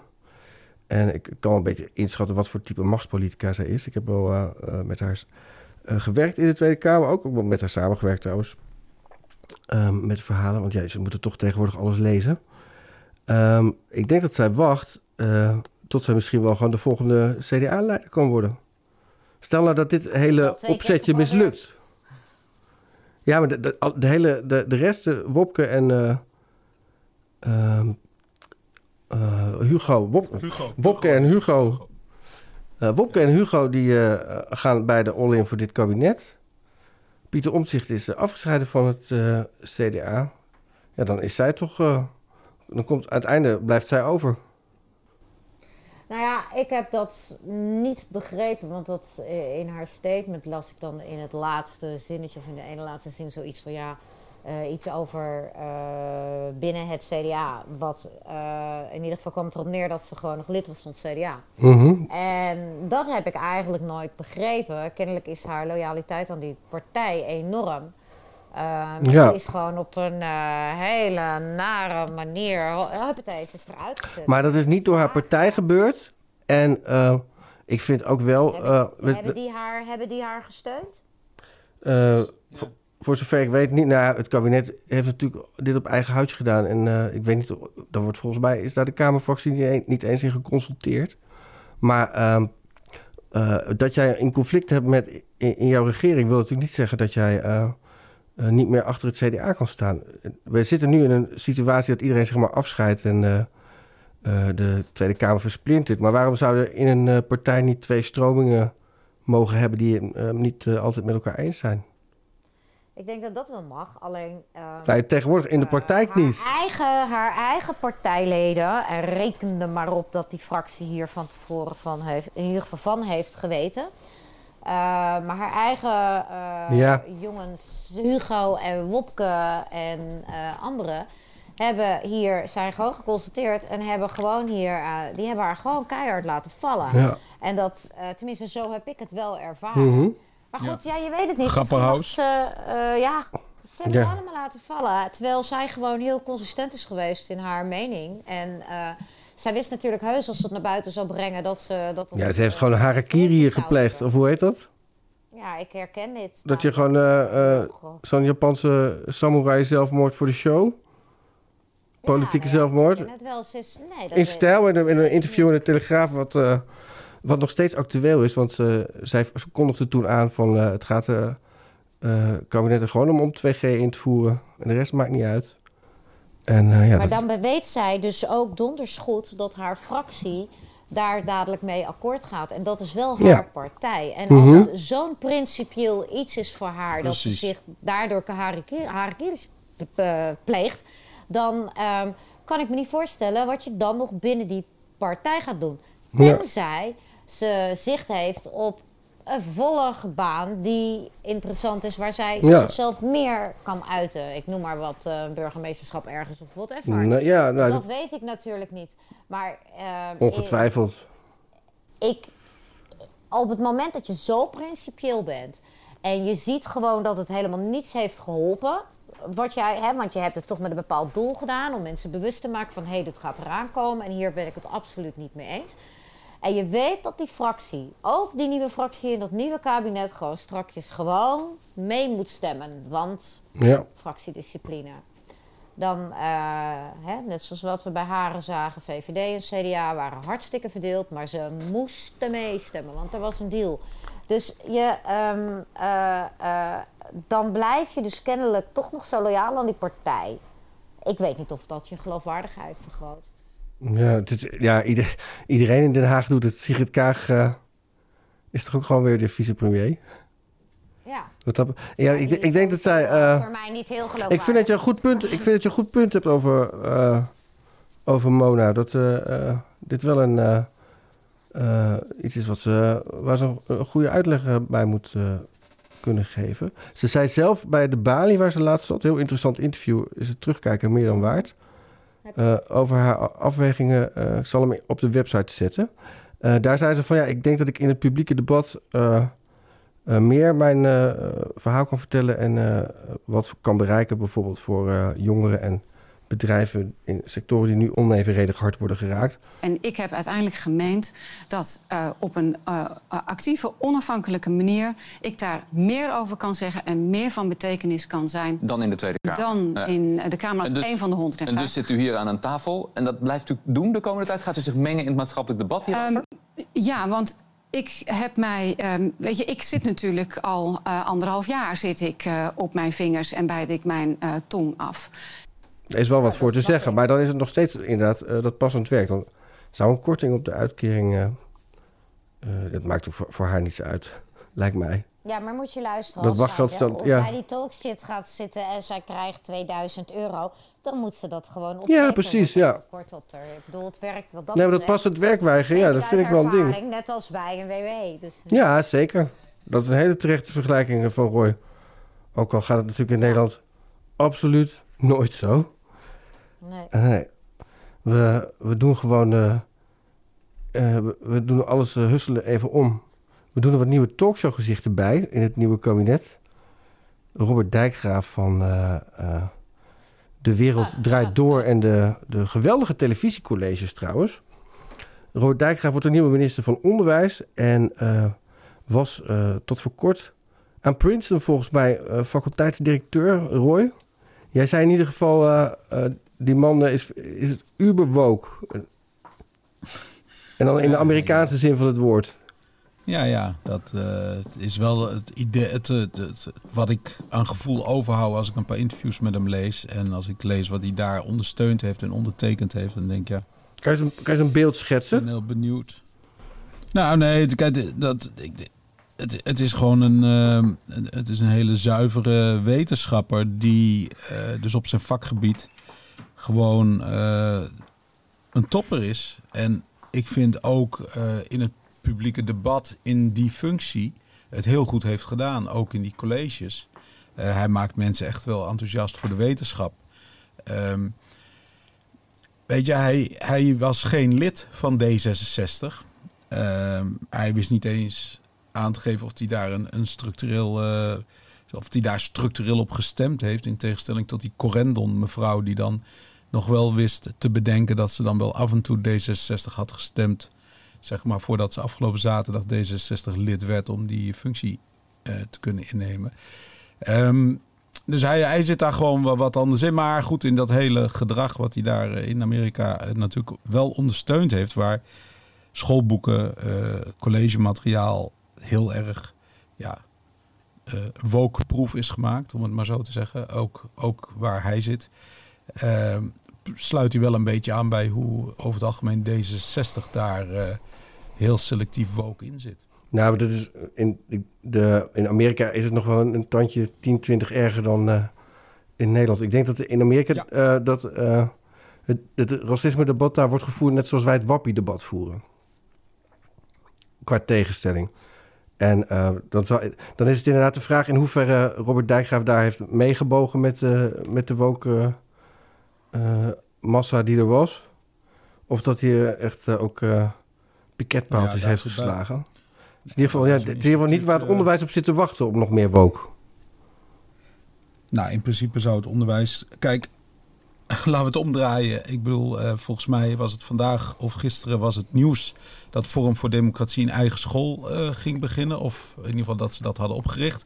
Eh, luisteraars van deze podcast die wisten dat, want dat is tijdens de verkiezingsbijeenkomst van Forum voor Democratie eh, langsgekomen. En daar zijn wij geweest. En daar hebben wij hier verslag van Ja. gedaan.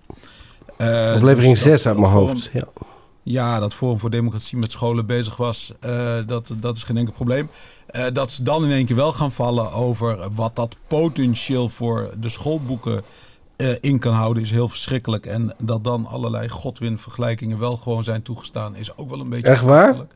Ik geloof dat de schoolboeken gewoon door eh, eh, de compagnon van George Soros, tevens de hoofdsponsor en eh, intrigant bij het CDA zijn ge- Nee, nee, ge- als je- gekuist, toch? Dat is die je- Nee, aflevering als jij een eigen 23. school- Over, Ja, maar als jij een eigen school begint, mag jij de eigen lesmateriaal Oh ja, dat is waar. Ik bedoel, maar je hebt wel een curriculum te volgen, want dat wordt natuurlijk bewaakt door de onderwijsinspectie. Nee, reken maar dat die daar gaan Maar kijken, ja.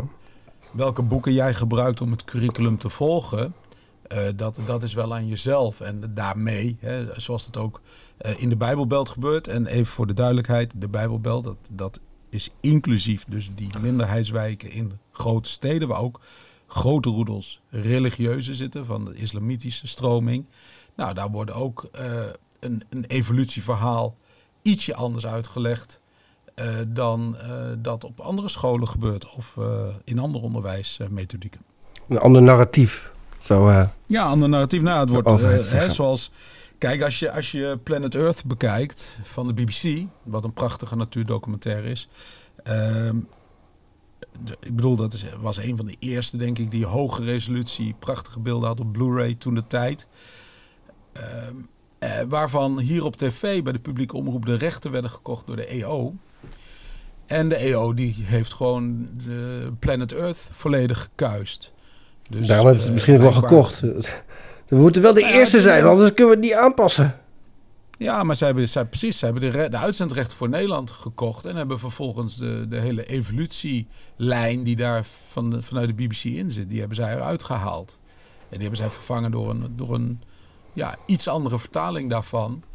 Eh, waardoor je als kijker gewoon begrijpt dat zeg maar, de evolutieleer één van de mogelijke manieren is waarop die aarde tot stand is gekomen. En ja, Intelligent dat, design. Dat, weet je, dat, dat is binnen het publieke bestel waar eh, D60 zo eh, op klaarkomt, is dat gewoon toegestaan. Dus ik snap niet wat, waarom Forum voor Democratie dan nu in één keer de vinger moet krijgen, omdat ze hetzelfde zeggen. Ja, dat is eh, een aflevering of twee, drie waard waarom het eh, is toegestaan aan eh, de EO om dat te doen. Maar ik dacht even Planet Earth, David Attenborough.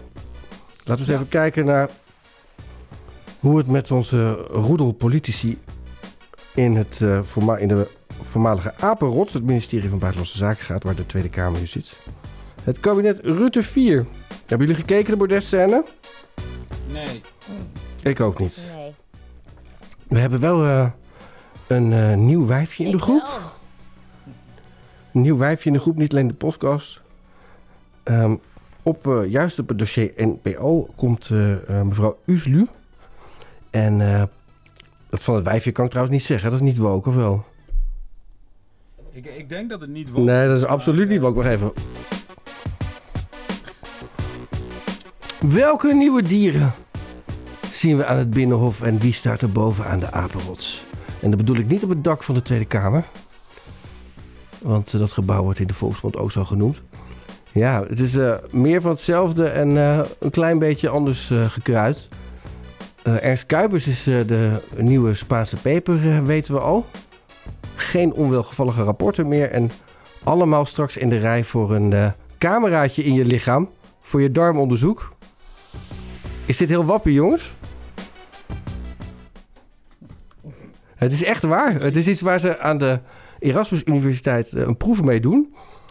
Eh, een eh, speciaal cameraatje wat eh, in jouw darmen de darmflora in kaart brengt. Om te zien of jij gezond bent. Eh, dat darmonderzoek wordt nu al in heel Nederland uitgevoerd. En dat is ooit bedacht door Ernst Kuipers. En het is ontzettend efficiënt. Qua redden van levensjaren en de kosten die het heeft. Zeker. Ja. Alleen, Je gaat via je lies, je gaat via je lies naar binnen, hè? Nee, dat is gewoon. je moet de poep insturen. Als je boven een bepaalde leeftijd, ik geloof 55 komt, stuur je poep in naar het lab. En eh gaan ze kijken of daar iets eh, in zit eh, wat duidt op, op darmkanker. En zo ja, dan ga je naar de specialist voor vervolgonderzoek. En daar blijkt dan, geloof ik, in de helft van de gevallen is er iets aan de hand. En daarvan weer een klein deel is er ook echt kanker die dan kan worden voorkomen. Of op tijd de kop in kan worden gedrukt. Ehm, dus ja, super goedkoop. Alleen, ik zat het te lezen. Ik dacht wel, ja, de- helft van de mensen gaat dus wel voor niks naar zo'n specialist toe. Voor zo'n inwendig eh, darmonderzoek. En moet wachten op de uitslag. Door wel ongerustheid. En die mensen waren anders misschien wel helemaal nooit eh, met de zorg eh, naar het ziekenhuis hoeven gaan. Dus ja, in hoeverre is het besparend? Ja, maar dan kan je ook zeggen van het baarmoederhalskankeronderzoek. Ja, dus, dus, het gaat erom dat je op een gegeven moment ergens... eh, eh, eh, moet je eh, de grens trekken van waar is het voor de, het belang van de groep groter dan het belang van het individu. Nou, bij dat eh darmkankeronderzoek eh, kan je dat volgens mij wel zeggen... als je zoveel levensjaren redt. En baarmoederhalskanker, eh, dat- daar zit ik niet zo goed in. Nou, en door naar de nieuwe ministers. Ja. Oké. Even de great reset eh, van, deze, van dit item. Eh, we hebben wat wisselingen. Swaps. Eh Sigrid Kaag en eh, Wopke Hoekstra. Hebben jullie gezien hoe ze dat met het koffertje deden? Omdat eh, Sigrid thuis zat. Ja, dat dit, ah, was dat buitengewoon sneu? Hoe lang bestaat dit trucje al, hoor? Jij doet wat meer met teleconferencing dan ik. Nou ja, dit is een standaard eh videotrucje wat iedere vlogger, blogger zo'n beetje begrijpt en professioneler uitvoert dan dit. Echt. Nou, ik vond het redelijk strak toch, hoor? Voor eh, Ah, overheid. doe even normaal. Ja? nee, maar als je... Ja, nee, dit, dit is echt... Wopke deed alsof hij dit voor het eerst leerde. Toen dacht ik, nou ja, dan is het dus echt slecht gesteld met de ICT bij het, eh, bij het Rijk. Iemand, Ja, nee, maar als je zo, zo zichtbaar dat ding achter een monitor, eh, weet je dan, dat is gewoon buitengewoon onhandig. Dat had gewoon veel chiquer gekund. Ja. Ik denk dat we niet zoveel gaan merken van deze wissel. Dat het meer van hetzelfde is. eh. Eh, Nou ja, Wopke heeft aangegeven niet te kunnen, of die heeft bewezen niet te kunnen rekenen. En Kaag die heeft geen principes, dus eh, die had ook bij McKinsey dus kunnen werken. Dus inderdaad. Ja. En onze minister van Defensie weet het verschil niet tussen een sergeant... ja, en Inge Lengton vroeg dat, de chef parlementaire redactie van de Telegraaf. Ik heb nog een, ik heb een lijstje gekregen waarop staat wat het verschil tussen een sergeant en een major is. Oi, het oi, oi, oi, Oh. oi. Ja, ik snap, ik snap al dat negatieve gedoe wel over die Ollongren. Maar weet je, we moeten het gewoon een beetje positief benaderen. Want anders praten we elkaar allemaal wel gewoon de hoek in. Ik ga er gewoon vanuit dat Ollongren dat leger gewoon fatsoenlijk gaat kleden. Dus dat het gezeik over jassen, tassen, Ja. schoenen gewoon van de baan is. Zij is gek op mode. Ze is dingen. erkend goed Dus- gekleed, ja. Erkend goed gekleed. Dus, dus dat Nederlandse leger van ons over twee jaar hebben we gewoon een contractje met Hugo Boss of met Louis Vuitton. En dan hebben we gewoon kekke rugzakken. En gewoon super mooie, hippe outfits. Dit, dames en heren, is nu zo'n hondenfluitje. Waar linkse mensen het altijd over hebben. Een hondenfluitje is een verwijzing naar eh, de Tweede Wereldoorlog in dit geval. Maar eh, ja, ik weet, denk dat heel veel jeugd van ons tegenwoordig niet meer eens weet welke dat, welke dat nou was. Hugo Bos. Ja. Ja. Hugo Boss was gewoon één van de producenten van wat uniformen. Hè. Ik bedoel, iedere kledingproducent heeft toen uniformen gemaakt. Dus dat, ik had ook, daarom noemde ik Louis Vuitton er ook bij. Die heeft ook uniformen gemaakt. Ja. Ik denk dat eh Ollongren eh, die post Defensie overneemt... omdat ze eh, als eh, minister van Binnenlandse Zaken bij de IVD... toch al bezig was met allerlei cyberoperaties eh, tegen de eigen burgers. Dat, dat het nu, nu tenminste buitenlandse burgers zijn... en ze kan lekker tegen Rusland eh, hacken. Dat is natuurlijk, wat, dat is natuurlijk waar, waartoe ze de politiek in is gegaan, lijkt het soms wel. Nou, volgens mij hebben, heeft het leger vorig jaar al hier eh, in Steenwijk en zo op straat geoefend tegen burgers. Dus dat kan ze gewoon lekker doorzetten. Wat was dat ook alweer, die oefening in Steenwijk? Ja, volgens mij was er een of andere straatoefening waarbij eh, het leger geweldloos moest proberen om de boel onder controle te houden. Zoiets was het. Ja. Op zich is dat, vind ik dat wel goed dat ze zo'n oefening doen. Je had het misschien niet in eh, de openbaarheid overdag moeten doen. Want bij een pandemie heb je gewoon wel de kans dat de eh, sociale vlam in de pan slaat. Uh, alleen is dat in verleden tijden ook wel eens gebeurd, maar niet omdat het kabinet steeds maar aan het polariseren bleef. Wie wordt de nieuwe ja, denk... minister van Groningen eigenlijk? Staatssecretaris werd het, hè? Ja, Hans, Hans Vuilbrief. Hans Vuilbrief. Nou, daar zet D66 dan toch wel een van haar uh, beste technocraten neer. Ja. nou ja, we hebben in de afgelopen jaren natuurlijk verschillende mensen gehad die dossier Groningen hebben gekregen. Mm -hmm. en, uh, het enige wat wij kunnen doen is afwachten, denk ik. Vorige kabinet ook D66, toch? Stientje van Veldhoven? Of deed hij dat niet? Nee, we, hadden, we hebben zelfs op een gegeven moment Ollongren gehad. Maar ja, ook D66. Ja, ja die is overal, hè? en het, uh, ja, dat is wel zo. Ja. ja. Hoe gaan ze ons... Ja. Ik, verwacht, ik verwacht gewoon... Ik, ik verwacht zeker op dit dossier gewoon niks. Nee. Dat klinkt heel lullig, maar zo voel ik dat gewoon. Het kabinet... We hebben dat al zo vaak gezien. Dus ja. Ik wil het eerst zien en dan pas de... Het kabinet past op de plannen... zolang het de winkels nog gesloten houdt. Er komen wel 100.000 er komen 100.000 ambtenaren bij uh, de komende vier jaar. Uh, was, uh, las ik in een doorrekening. Ja, dat is goed voor de werkgelegenheid. Ze, ja. ze regelen banen. Ja. Ze houden vooral elkaar aan het werk, is mijn idee. Maar volgens het CBB zijn er helemaal niet genoeg handjes om al die plannen uit te voeren. Arbeidsmarkt is bijvoorbeeld veel te krap. Ook verwacht het CPB dat de koopkracht lager uitvalt dan het kabinet voorspelt. Dat komt onder meer door de hoge inflatie. Eerder wil het kabinet de plannen niet laten doorrekenen door de CPB, zoals de gewoonte is. Na gemor van de Tweede Kamer gebeurt dat alsnog. Er komen 18.000 extra banen in de zorg. De horeca, die kunnen dan, uh, al die mensen in de, uit de horeca, die kunnen dan leuk naar uh, Amsterdam ja. of zo. Nou, die zijn wel gewend te werken, hè? Dat, wordt wel een, uh, dat, dat leidt niet tot een goede relatie in Den Haag. Nee. Tot aan 2020 waren ze gewend te werken. Tegenwoordig mogen ze dat niet. Dus wat moeten ze nee, dan? Dat...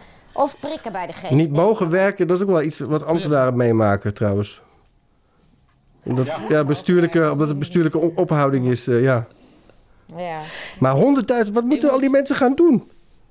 Nou, ik moet wel zeggen dat ik uh, sinds gisteren het liedje, uh, dat is door jouw tweet, uh, het liedje Een kind boven de evenaar ja, wordt ja, later ja, wel een ambtenaar. Kinderen voor kinderen. Ja, het, ik geen idee. Ik, is, zijn boa's ook ambtenaren? Want dan weet ik wel wat ze gaan Zeker. doen. Dus, ho, ho, ho, ho. En we spreken nu een van die Tweede Kamerleden, Pieter Omtzigt. Meneer Omtzigt, wat maakt u van de bevindingen van het CPB? Nou, het CPB zegt eigenlijk dat het kabinet um, enorm veel geld uitgeeft. En dat de staatsschuld um, met meer dan 60% richting 2060 oploopt. En dat zei uh, dat de huidige kabinetsplannen dus met enorm grote fondsen een enorme rekening uh, bij de toekomstige generaties leggen. En uh, doordat die uitgaven um, in fondsen zitten, dus aan klimaat en stikstof, zonder dat duidelijk is waaraan, maar ook aan defensie, gaat de koopkracht niet vooruit. Dus er wordt wel heel veel schulden gemaakt, mm. maar dat gaat niet naar burgers toe. Um, en ja, de plannen lijken vooral, als je kijkt naar de verkiezingsprogramma's, op, uh, op het programma van GroenLinks en de Partij van de Arbeid. En lijkt op geen enkele manier op het programma van de VVD, CDA of D66. Ja. Zegt, uh, geeft weinig hoop. van de Tweede Kamer oh. is op dit moment geschorst. Geeft weinig hoop. Uh, ik denk dat gewoon. Waarom, waar heb je al die boa's voor nodig als niemand op straat komt? Even voor die BOA's. Ik bedoel, ik heb een bewakingsdienst gehad. En ik heb daar ook het kaliber BOA. wat je nu op straat tegenkomt. gewoon in dienst gehad. En uh, ja, dat wil je gewoon eigenlijk niet hoor. Waarom? Nou, omdat uh, heel veel van die mensen leren wel uh, omgaan met procedures, invulformuliertjes en weet ik het allemaal. Maar dat is. en ook wel communiceren en praten met mensen. Maar dat is wel iets anders dan praten met mensen die onder hoogspanning staan omdat er een boete dreigt. Weet je, ik bedoel, het verkeer regelen als verkeersregelaar op straat of weet ik een parkeerprobleem oplossen, dat is iets anders dan een, op een terras een anderhalve meter gaan handhaven. terwijl je ook met een bonnenboekje mag dreigen, weet je. Sommige mensen krijgen hem daar ontzettend hard van hoor, als ze een soort machtsverhouding ten opzichte van iemand kunnen presenteren. Dus dat, ja, dat, dat maakt de sfeer in de samenleving gewoon niet beter.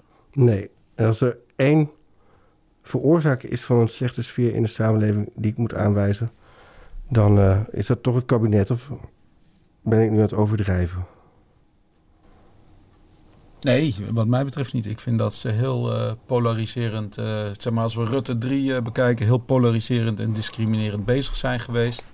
En dat is tactiek. En, dat is tactiek. En weet je, dan doen ze een. Nou ja, ik roep dat. Door, door, door, Groningen gewoon nu bij een staatssecretaris te stoppen. In plaats van gewoon onder de zeg maar, Antillen en zo te, te vangen. -hmm. Maar nee, ik vind, ze, ik vind de, de hele regering Rutte 3 was polariserend. En dat was tactiek, ja, dat denk ik wel. En dat gaat niet veranderen. Nee, dat is het punt. Het gaat niet veranderen.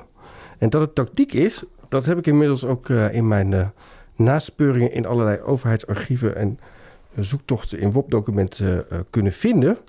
Want er is er gewoon een, een, soort handleiding hoe je met mensen omgaat die bang zijn of mensen overtuigt die boos zijn. En die krijgt Mariska cadeau als dank voor haar deelname aan de uitzending. En dat is niet het enige, je krijgt ook een handleiding inlichtingen waarderen uit het Nederlands-Indisch leger van de marine in Batavia uit 1940. En uh, dat is een heel handig systeem waarbij je dus als je met uh, nepnieuws of zo te maken krijgt, uh, gewoon een hele simpele mijn code, code opplakt. Kwam, oh, je kent hem al. Ik kwam in 45 als uh, stultroeper. En zo. heeft wow. daar mijn oma als Rode Kruiszuster leren kennen in Batavia getrouwd. En als een van de laatste gezinnen toen iedereen en alles weer weg moest, zijn zij weggegaan naar Nederland. Ja, dus ik, Bijzonder. Er zijn ook heel veel Indische gezinnen waarin heel weinig werd gepraat, zeker over het verleden.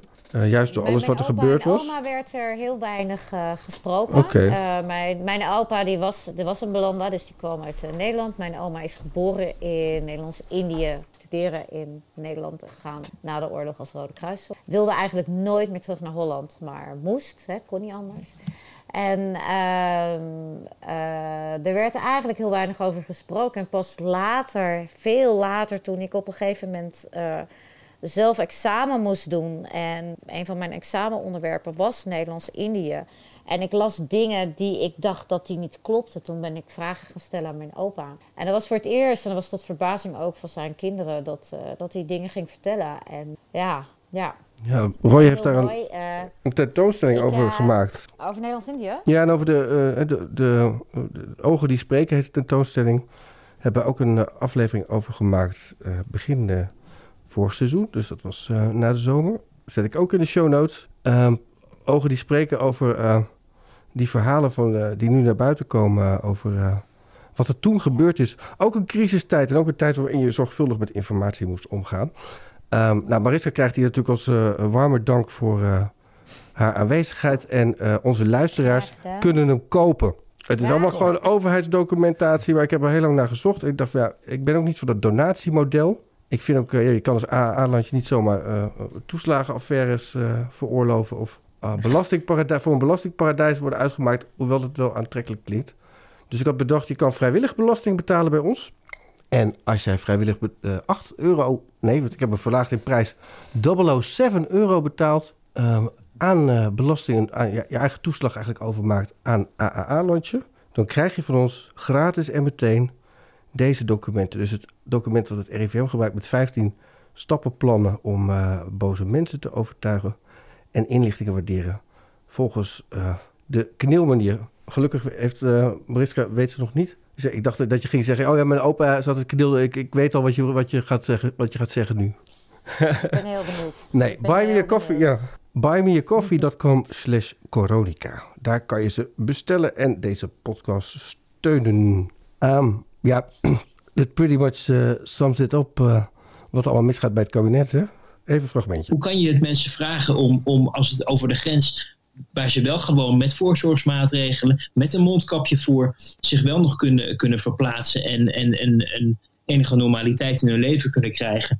Uh, en, dan je, en dan je eigen bevolking oproepen om dat maar niet te doen of zo. Alsof je, terwijl, doe, laten we wel wezen, en de reden waarom we deze in deze lockdown zitten, voor een belangrijk deel te danken hebben aan het feit dat Den Haag de zaakjes niet op orde had. Niet met de ziekenhuiscapaciteit, niet met de boostercampagne, niet met het communicatiebeleid. Allemaal dingen die je echt Den Haag kan aanrekenen. En dan gaat dat Den Haag de bevolking kwalijk nemen, dat die uitwegen zoeken, omdat ze denken, ja, elders kan het wel. Als we ons daar netjes gedragen, moeten we gewoon normaal leven kunnen leiden. Dat doen we.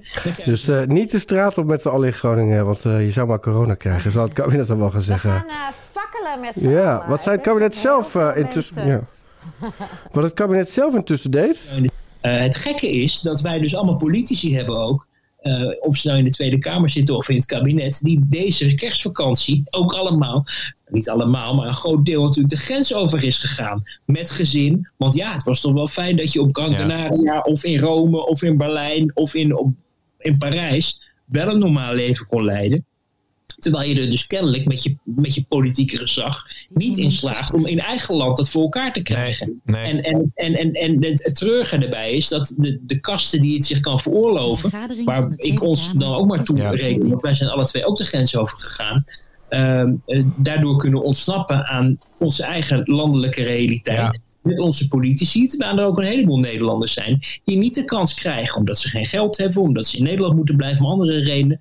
En dus ja, eigenlijk in de steek worden gelaten door hun eigen politici die hier de boel op slot gooien, zelf vakantie gaan vieren waar je meer kan doen en vervolgens weer terugkomen en, en eigenlijk alles houden zoals het is. Ja. Ja, dat is eigenlijk een mooi bruggetje naar, uh, naar volgens mij elk politiek onderwerp uit Nederland wat we de afgelopen jaren hebben besproken in AA-landje. Maar in dit geval is dat het verwarde mensen probleem. En het probleem heeft tegenwoordig een naam, dat heet Onrecht TV en een gezicht dat heet Max. Maar even, oh, Mariska, je bent er nog steeds bij. Ja, ben, jij eens, ben jij eens bedreigd? Uh, laat, ben eens ja. bedreigd? Ook zo erg als ja. Sigrid Kaag? Nee joh, nee. En ook op een heel ander vlak. En, uh, maar wel in de tijd dat ik wethouder was. En ik kreeg ook inderdaad gewoon boze mensen die aan mijn deur stonden. Op momenten dat het mij helemaal niet uitkwam. Ja, ze, ze... En ik ben ook via de socials uh, anoniem bedreigd. Wat doet dat met je? Uh, nou, wat ik de ergste keer vond, dat was dat ik met mijn hondje in het park liep.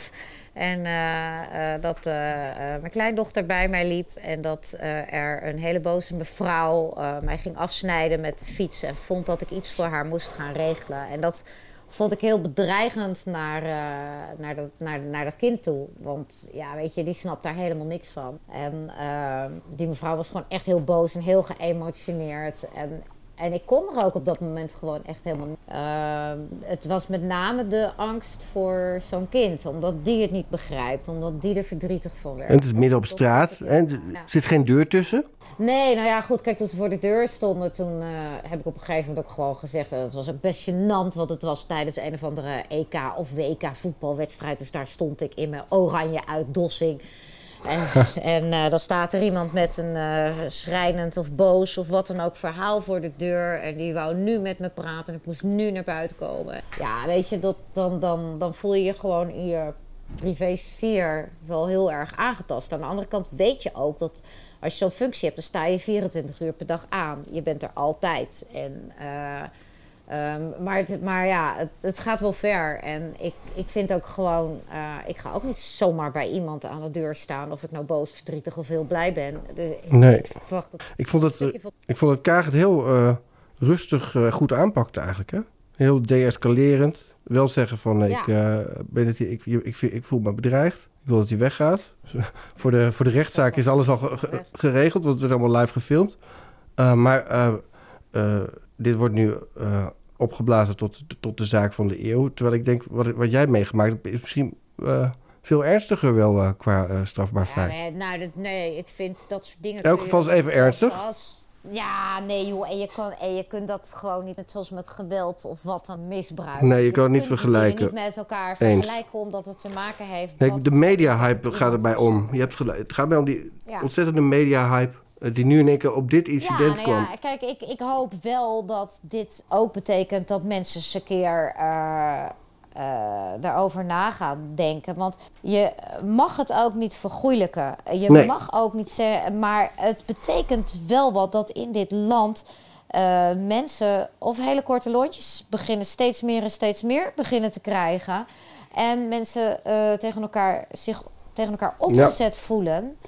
En het betekent dat er toch echt iets helemaal mis is eh, met onze, eh, eh, ja, noem het maar de psychische hulp die wij als overheid aan mensen verlenen. En Juist. dat heeft alles, denk ik, te maken met het 3 december 15, waar Nee, we zien dat gemeenten niet alleen. niet Dat Nou, ga ik zo heel- uitleggen. Een heel groot deel. Ik ga het zo uitleggen wat... Ja, we- dus je vraagt het aan mij. Nee, zeker. Ik zeg dat dat er voor een heel groot deel mee te maken Oh. heeft. Dat wij, wij kunnen de mensen niet de hulp bieden die we ze zouden moeten Nee. bieden als lokale overheid. En dat mag je ook niet vragen. Nee, precies. Maar het probleem is niet door jullie veroorzaakt, eh, eh, eh, Nee, nee, nee. nee. wil ik zo het gaan is zeggen. door de Rijksoverheid veroorzaakt om te kunnen bezuinigen. Waardoor, bekijk maar eventjes de Ja. begroting. Ja. Hoeveel, hoeveel mensen, eh, hoeveel meldingen denk je dat de politie eh, per jaar binnenkrijgt van, eh, van verwarde personen? Die, die dus gek lopen te doen eh, ergens in de straat s'avonds laat. Dat weet ik niet, maar ik weet dat ik in de tijd als lokale burgemeester er regelmatig... 102.000. cijfer, Dat zijn alleen nog...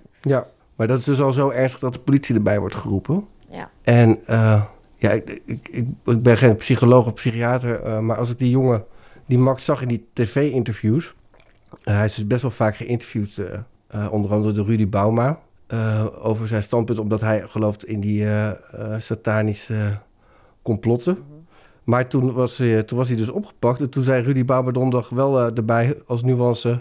Ik kan niet zeggen dat hij een, een prominent figuur is in de coronaprotestbeweging. Want dat is waar hij zich nu ook veel mee bezighoudt. Hij is op die coronaprotesten toch wel een eenling. Houdt ook enige afstand van uh, de organisatie uh, van dat soort protesten. Die koffiedrinkprotesten in Amsterdam met name. En de, de, de organisatie daarvan ook wel tot hem. Ja, het was wel, het was wel een zonderling. Ook, ook op die wappie-demonstraties was een zonderling, hoor. Ik vind, waarom is hij dan zo uitgebreid geïnterviewd? Is het soms de ergste wappie uh, uit de groep gekozen? Je voelt het wel een beetje dan, hè? Ja, maar ik dacht ook, die jongen had... Uh, als hij misschien wat betere begeleiding had gehad... en uh, die is er dus niet, zoals je al opmerkte... dan was hij Ja, niet met onrecht je tv op pad gegaan... maar misschien met andere mensen was hij een wandeling gaan maken in het bos. Maar als is verbrande turf. Ja. En ik, uh, uh, je kunt er allerlei scenario's op loslaten wat had kunnen gebeuren. Het had ook nog veel erger kunnen zijn. Hij had ook gewoon. Nou ja, die brandende fakkel. Ja.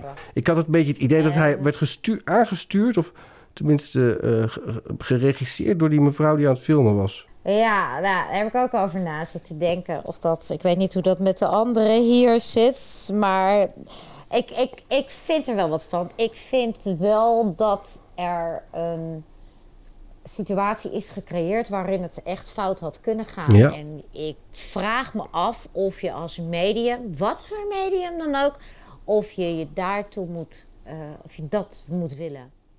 Ja, dat, Want dat, je bent wel mede verantwoordelijk als het echt fout gaat hè, na die tijd. dat onrecht tv bedoel je? Nou, dat is wel meer dan mede verantwoordelijk, denk ik. Dat is gewoon Nee, maar ik misschien wel probeer- Ik probeer het genuanceerd, ik probeer het genuanceerd Ja. te brengen, zodat er mogelijkheid is voor alle meningen daaromheen. Ja, het is dus, ja. Maar het is... Het, Het is niet je, goed. Je bewerkstelligt Ja. wel iets, RW. Terwijl Ja, Onrecht TV eigenlijk je, alleen ja, maar demonstraties uitzendt tot, tot nu toe. Ja, maar je, moet- je, moet- het- het- ik, eh, ik vind sowieso niet kunnen, laat ik dat even voorop stellen, wat zo'n media, wat zo'n mediaclub doet. Ik vind dat het echt niet kan. Maar Nee. Dat moet je wel breder zien dan Onrecht TV. Kijk, we hebben het, ik denk dat het in Nederland begon bij Big Brother, waar gewoon mensen eh, met reality TV op tv werden afgebekt. En waar zelfs op, tijdens reality TV gewoon eh, geweld werd gebruikt aantal malen. En dat is in andere tv-programma's ook gebeurd. Eh, hè, en niet als incident in een talkshow of zo waar het uit de hand liep. Kijk, daarvan was iedereen overtuigd dat dat niet kon. Maar in die reality shows, daar wordt wel een hele hoop op dit gebied toegestaan. En door een aantal presentatoren zelfs eh, toegejuicht. En kijk, als je dan de combinatie hebt van aan de ene kant een regering eh, waar eh, ook ministers best wel polariserend en dreigend taalgebruik hanteren, gewoon richting de eigen bevolking. Ehm, en dan aan de andere kant een aantal demonstranten die met welke boodschap dan ook, of het God is, of het in, zoals in dit geval van die Max Huppeldepup, of het is eh, van Thierry Baudet, eh, een bewindsman opzoeken. Ja, en dan aangewakkerd door de media. Ja, dat, dat, is, dat is wel eh, een sign of the times. En het is gewoon in alle gevallen ziek gedrag. Maar ik vind wel dat de media in eerste insta- instantie wel bij zichzelf te raden moet gaan. En dat geldt primair, vind ik, want die moet het goede voorbeeld geven voor de publieke omroep. Hè? Ik bedoel, die zendt geen Big Brother uit, maar die, die heeft wel van die, van die eh, consumentenprogramma's waar eh, consumenten die volledig over de zijk zijn tegenover een, eh, een leverancier wordt gesteld, gezet. Hè, Tros Radar, noem het op. Waar een fabrikant of een leverancier of een internetprovider wel gewoon de ballen heeft om daar aan tafel te gaan zitten. Ja. En, ehm, en daar is het wel mee begonnen. En dit, dit is gewoon een uitvloeisel. Ik denk dat wij als mensen die veel op die socials zitten en eh, verschillende soorten van media proberen te, tot ons te nemen, zich echt vergissen in wat het gros van Nederland kijkt. Die leest, als die als een ochtendpapieren krantje nog op tafel krijgt, die kijkt om zes uur en om acht uur naar het journaal. Die kijkt vervolgens, kijkt die, eh, weet ik veel, lang levende liefde of dat soort idioterie. En die, die kijken niet verder. Niet omdat ze dom zijn, niet omdat ze, maar ze hebben hun werk of ze hebben hun dingen. Ze zijn druk. Dat is hun informatiekanaal. Af en toe Ja. kijken ze misschien eens een keertje op de, op de NOS-site. En natuurlijk is het dan En de wappies zijn boos dat daar heel veel niet op staat wat zij elders wel lezen. nou, niet alleen de wappies. Ik ben geen wappie. Ik vind dat je altijd eh, communicatie eh, van twee kanten moet belichten. En wat ik eigenlijk zie gebeuren nu... eh, ik weet nog hoe trots wij met z'n allen waren. Althans, de generatie voor mij. eh, dat, we met z'n a- dat die ontzuiling plaatsvond. We zijn de laatste tien jaar met zo'n noodgang aan het verzuilen weer.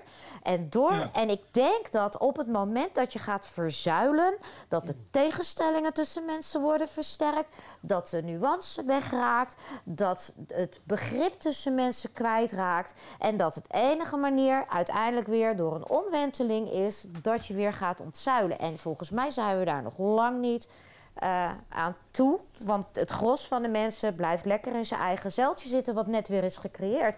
En ook Bubbeltje. Forum heeft zijn eigen. ze- Ja, we noemen het nu bubbels. Maar vroeger noemden we het zuilen. En er zijn alleen een aantal bijgekomen. En we waren heel mooi in de tijd van, eh, eh, van de hippies aan het ontzuilen. En we konden veel mooier. Maar je ziet, denk ik hoor, maar dat is mijn mening op de wereld van nu. Je ziet dat die bubbels, die zuilen, die zijn er weer. En nog harder dan ooit.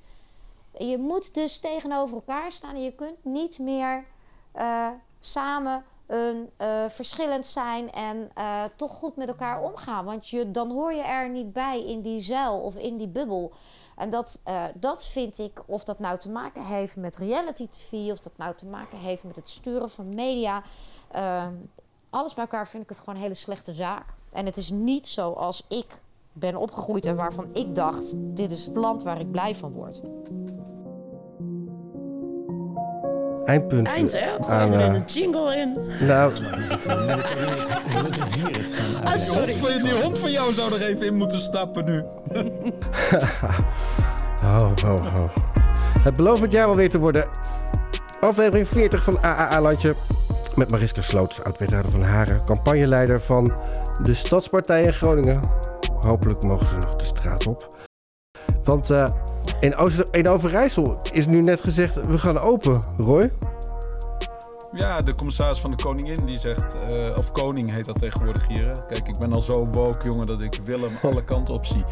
Maar eh, even kijken, nee, de commissaris van de Koning hier die zegt inderdaad dat het eh, beleid gericht moet zijn op alles open in plaats van eh, alles dicht. En dat is de kop. eh, hij burger, burger, met of, name- commissaris der Koning, alles open? Is de kop. En dan is dat de titel van het beleidsplan. We blijven in Nederland. Ja. Ja, maar ja, dat vindt hij in ieder geval. En ehm, weet je, hij noemt eh, cultuur en winkels, dus dat is eh, in ieder geval positief. ja. En Maar het is ook ik denk zo. dat het ook wel een beetje, een beetje reactie is op veel winkeliers. Hè, die vandaag ook al via social media lieten weten dat ze hoe dan ook zaterdag gewoon open gaan omdat het klaar is.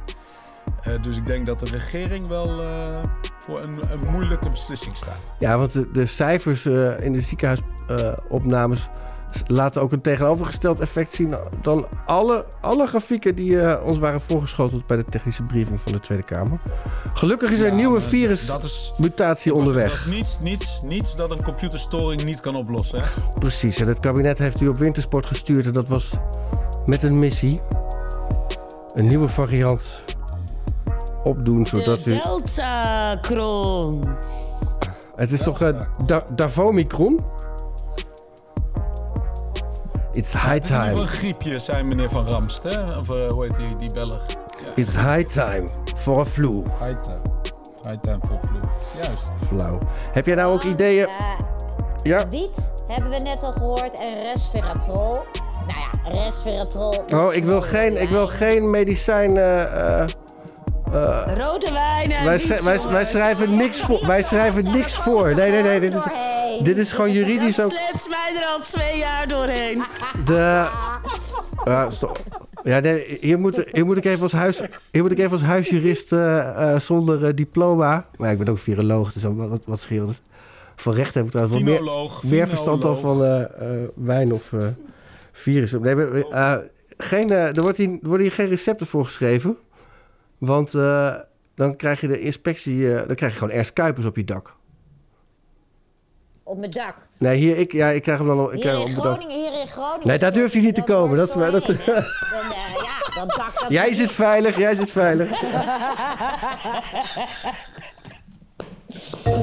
You can help this podcast by subscribing and writing a review on Apple Podcast. Find us at AAA Land JE.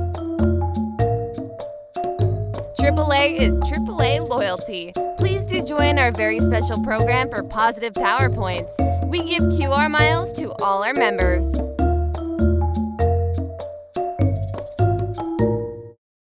Eigenlijk zou je de mensen die flink eh, vervuilen wat meer willen belasten, zodat ze wat minder gaan vervuilen.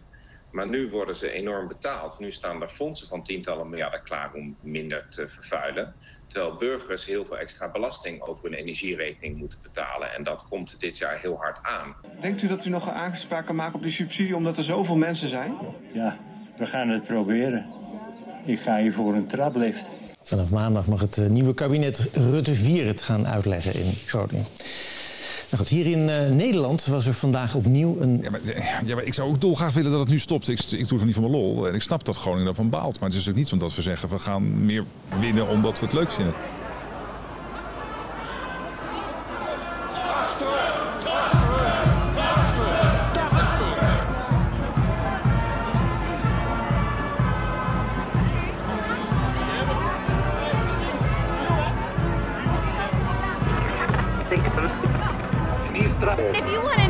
Going on in Het Netherlands,